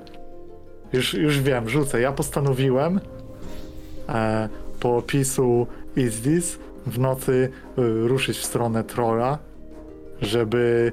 E, Jeszcze dość daleko od niego, nie? To już minęło, tak już mówiąc delikatnie, tak około 90-100 kilometrów, żeście się oddalili od tamtego miejsca. cholera jasna z tym trollem. To nawet nie wiem, czy nie około czterech dni, przynajmniej według takiego, tego co pamiętam, że heksy- jeden heks to jeden dzień. Ale Ale- może troli jest więcej. O. No dobra, rzucę i pomyślę wtedy. Dobra, y, 8, 4, 4 to jest na polowanie, to jest y, sukces. To myślę, że. Hmm, że, że zapuściłem się rzeczywiście y, dość daleko. I gdzieś właśnie na terytorium Troi. Jakiś bardziej może nawet na północ. Mhm. po prostu gdzieś e, z motywacją może trochę trochę odezwał się we mnie strażnik, który martwił się tym, jak ten szlak przebiega i że ten troll tu gdzieś płuje. Chciałem znaleźć jakieś legowiska, skąd one wychodzą, bo zwykle po tej stronie rzeki nie było troi kiedyś. Nie, nie pamiętam, żeby to się działo, więc to dość niepokojące i po, zamiast polować yy, postanowiłem znaleźć ich legowisko. I jako, że test się udał, to no powiedzmy miałem małą przygodę z tym, że jednak odnalazłem je szybko i małą przygodę z odsłanianiem e, jakiejś e, powiedzmy, że mieli taką jaskinię, była jaskinia trolla, w której one sobie w dzień spały, a ja i zas- pozasłaniały sobie wszelkie otwory do niej.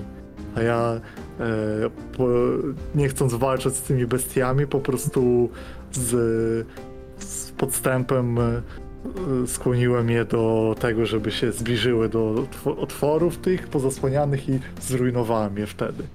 Więc poz- pozbywając się tym samym zagrożenia. To jest z boku przygoda strażnika, to jest typowa praca strażnika północy, o której często się nie mówi na szlakach. Starcie, o którym moim towarzysze nigdy nie usłyszą. Nie doszło w nim do żadnych ran, mnie tylko znużyło, ale miałem satysfakcję z tego, że to nie była bezsensowna wędrówka. Dziwnie znużony wraca y, z tego wypadu myśliwskiego y, wasz znakomity strażnik, a pora ruszyć w drogę dalej, gdyż jeszcze trochę jej zostało i pytanie, czy uda się bez jakiegoś dziwnego zdarzenia dotrzeć do ostatniego mostu. Tym razem ja wydam nadzieję, yy, aby dołożyć sobie kostkę, bo skoro Adranil wspomniał, że ten las po prawej stronie traktu znamionuje, że jesteśmy blisko celu, to bardzo mi zależy, chcę i jestem pełen nadziei, że będziemy tam bezpiecznie już jutro. Nie masz żadnych wyróżników, które tu pomagają? Chyba nie, co? Ja nie pamiętam. Ale przypominam o tej mechanice. Tak, tak wiem. Jestem bystrooki, więc w pewien O. sposób widzę lepiej niż inni. To znaczy, że wtedy, kiedy wtedy mogę wydać dwa? Yy, chyba nie, no nie? Znaczy, Dwie kostki nie, wydajesz jeden i natchnienie. dostajesz dwie. To, ale nie, jeśli wykorzystujesz wyróżnik, to dostajesz no dwie tak. kostki. No Tylko to musi yy, pasować. mistrzu, jestem bystrooki. No. Dwie kości czy nie? Dobrze, rzuć. Właścica dzisiaj jest silna O, we mnie. I to jest yy, bardzo dużo. No zdałem test, natomiast dodatkowe dwie szóstki na kaszustkach. Okej. Więc nie tylko, że docieracie szybko i bezpiecznie do. mm, do Ostatniego e, mostu. przekraczacie go. To jest duża konstrukcja. W tych takich murkach z boku one są bardzo niskie, e, a w dole e, rwąca, groźna e, rzeka, która jest e, zimna nawet e, teraz, w drugiej części lata. Most to są takie łuki, trzy kamienne łuki, które biegną nad tą rwącą e, poniżej rzeką. Przechodzicie go i mm, postanawiacie e, za twoim ludo jakby pomysłem czy natchnieniem zejść sobie z traktu nieco w południową stronę, czyli już jakby w tą stronę, w którą sugerował Gandalf, żebyście poszli. I e, jeśli pozwolisz wykorzystać swoje sukcesy, Mhm. to y, znajdujecie y, coś, co rzadko się zdarzy, bo znajdujecie y, mm, po odejściu no całkiem już dużo, nie? Bo to jesteście tak, że już nie widzicie tego traktu. Y, on już gdzieś wam zniknął z tyłu za oczami. Jesteście gdzieś tam w tym lesie i znajdujecie miejsce obozowiska elfów. Y, Normalnie jest to nie do rozpoznania, bo elfy mm, po prostu opuszczają miejsca, w których obozują i ciężko bardzo jest y, domyślić się. Ale tutaj widocznie miałeś szczęście, bo znajdujesz taką broszkę, którą elfy sobie szczepiają płaszcze po prostu. I ktoś widocznie upuścił przez przypadek i nie zauważył tego. I akurat normalnie no jest to przypadek jeden na milion, ale udaje ci się znaleźć coś takiego e, w trawie. E, a więc jakieś elfy albo elf tędy szły, bo jak Izdis widzisz to, to od razu widzisz, że jest to robota z Rivendell. W zasadzie nawet mogłabyś konkretnie określić, który z rzemieślników, artystów y, takie bardzo Mhm. charakterystyczne przedmioty wykonuje. Rzucam więc jakieś imię. E, być może nawet znam tę osobę osobiście, to był pleonazm. To robota rivendelskiego rzemieślnika. Nigdzie indziej nie wytwarza się takich zdobień. Tutaj ten charakterystyczny układ liścia na to wskazuje. Bardzo piękna robota. Ale mam szczęście. Tak. I być może też zdarza się tak, że postanawiacie, jako że mm, dzień mm, chyli, chyli się już ku końcowi, e, rozbić w tym miejscu też obóz, jako że wiadomo, że elfy znane są z tego, że wybierają bezpieczne i trudne do odkrycia miejsca do obozowania. I śpicie bardzo dobrym, dającym odpoczynek snem. Wszyscy oprócz ciebie, Izdis. Bo ty masz sen, który przychodzi do ciebie gdzieś w środku nocy. Tak jak gdybyś wzniosła się ponad te drzewa na ptaku. Chyba jest to orzeł. I ten orzeł razem z tobą wczepioną w pióra tuż za jego głową zaczyna lecieć bardzo szybko na południe. I widzisz w oddali wzgórze. To jest dosyć rozległe wzgórze, niewysokie. Yy, no ale takie, na które trzeba by już się trochę wspinać. Całe porośnięte lasem. I widzisz, że jest ono jak pierścień, który w środku ma jakąś dolinę. Podejrzewasz, że jeśli nie widziałabyś go na tym orle, to nie byłabyś wcale taka pewna, czy tam jakaś dolina jest, czy po prostu to wzgórze jak taki mały płaskowyż się rozciąga. I przelatujesz na tym orle nad tym i widzisz tam w środku tej doliny, która jest zacieniona przed twoim wzrokiem. To tak wygląda, jakby cień padał na nią całą, ale na środku to i drzewo, bardzo przypominające jedno z tych drzew z Lorien, które pamiętasz, które tam stoją w centrum, które w tym śnie lśni. I słyszysz muzykę. Wiesz, że to są elfy, ale nigdy takiej muzyki nie słyszałaś. Yy, tak jak gdyby ktoś śpiewał tak jak elfy, ale w Rivendell ani w Lorien konkretnie tego utworu nie pamiętasz. Powiedz mi jeszcze, doprecyzuję, czy to jest muzyka, która przypomina elficką, ale nie słyszałam akurat takiej? Tak. Czy to jest muzyka wykraczająca poza elfickość? Tutaj mam na myśli, e, czy to nie jest jakieś dzieło wyższego bytu? Czy mogę jakoś wnioskować po tym, czy trudno mi to ocenić? A zrzuć sobie test. Dobra, na co to będzie test? A zaproponuj coś. Mm, nie wiem, czy tutaj będą tak działały pieśni. Yy, Pieśni? znajomość, ale ja po prostu nie znam tych, ym, tych ym, umiejętności. Może też Mogę- wiedza. Tak, Tak, jeszcze nie? myślałam o wiedzy, nie? Dobrze, może być wiedza. Dobrze. A więc rzucam dwunastką, na której wypada 8 i teraz dorzucam cztery szóstki, Tak jest. gdyż wiem rzeczy.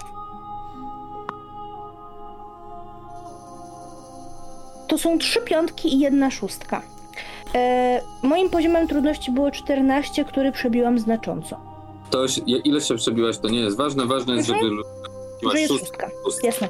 Szóstka daje ci dodatkowe sukcesy i w tym Mhm. wypadku zaproponuję, Mhm. żeby dodatkowo z jednej strony wiesz, Mhm. Tak, że najprawdopodobniej jest to muzyka elfów, ale jakichś elfów, których ty po prostu Nie poznałam, jasne. dokładnie, ale które też pewnie musiały długi czas nie widzieć się z innymi elfami. Bo przecież elfy widzą się od zarania dziejów. Więc jakim cudem może być elfia muzyka, której ty nie znasz? To wydaje ci się wręcz niemożliwe. A z drugiej strony faktycznie rozpoznajesz wpływ, tak jak to ładnie powiedziałeś, jakiegoś wyższego bytu, wplecionego w ten, e, w ten śpiew. Czegoś, co wykracza e, gdzieś dalej. Jednym z takich, Mhm. nie? Ta pieśń cię wzywa. E, wzywa cię do siebie. I w momencie, kiedy chcesz, żeby ptak sfrunął na dół razem z tobą, prosto tam, to ześlizgujesz się w momencie, kiedy on pochyla głowę do przodu i zaczyna pikować w dół, to ześlizgujesz się z niego, lecisz w dół i budzisz się nad ranem, podnosisz głowę i widzisz yy, śpiących towarzyszy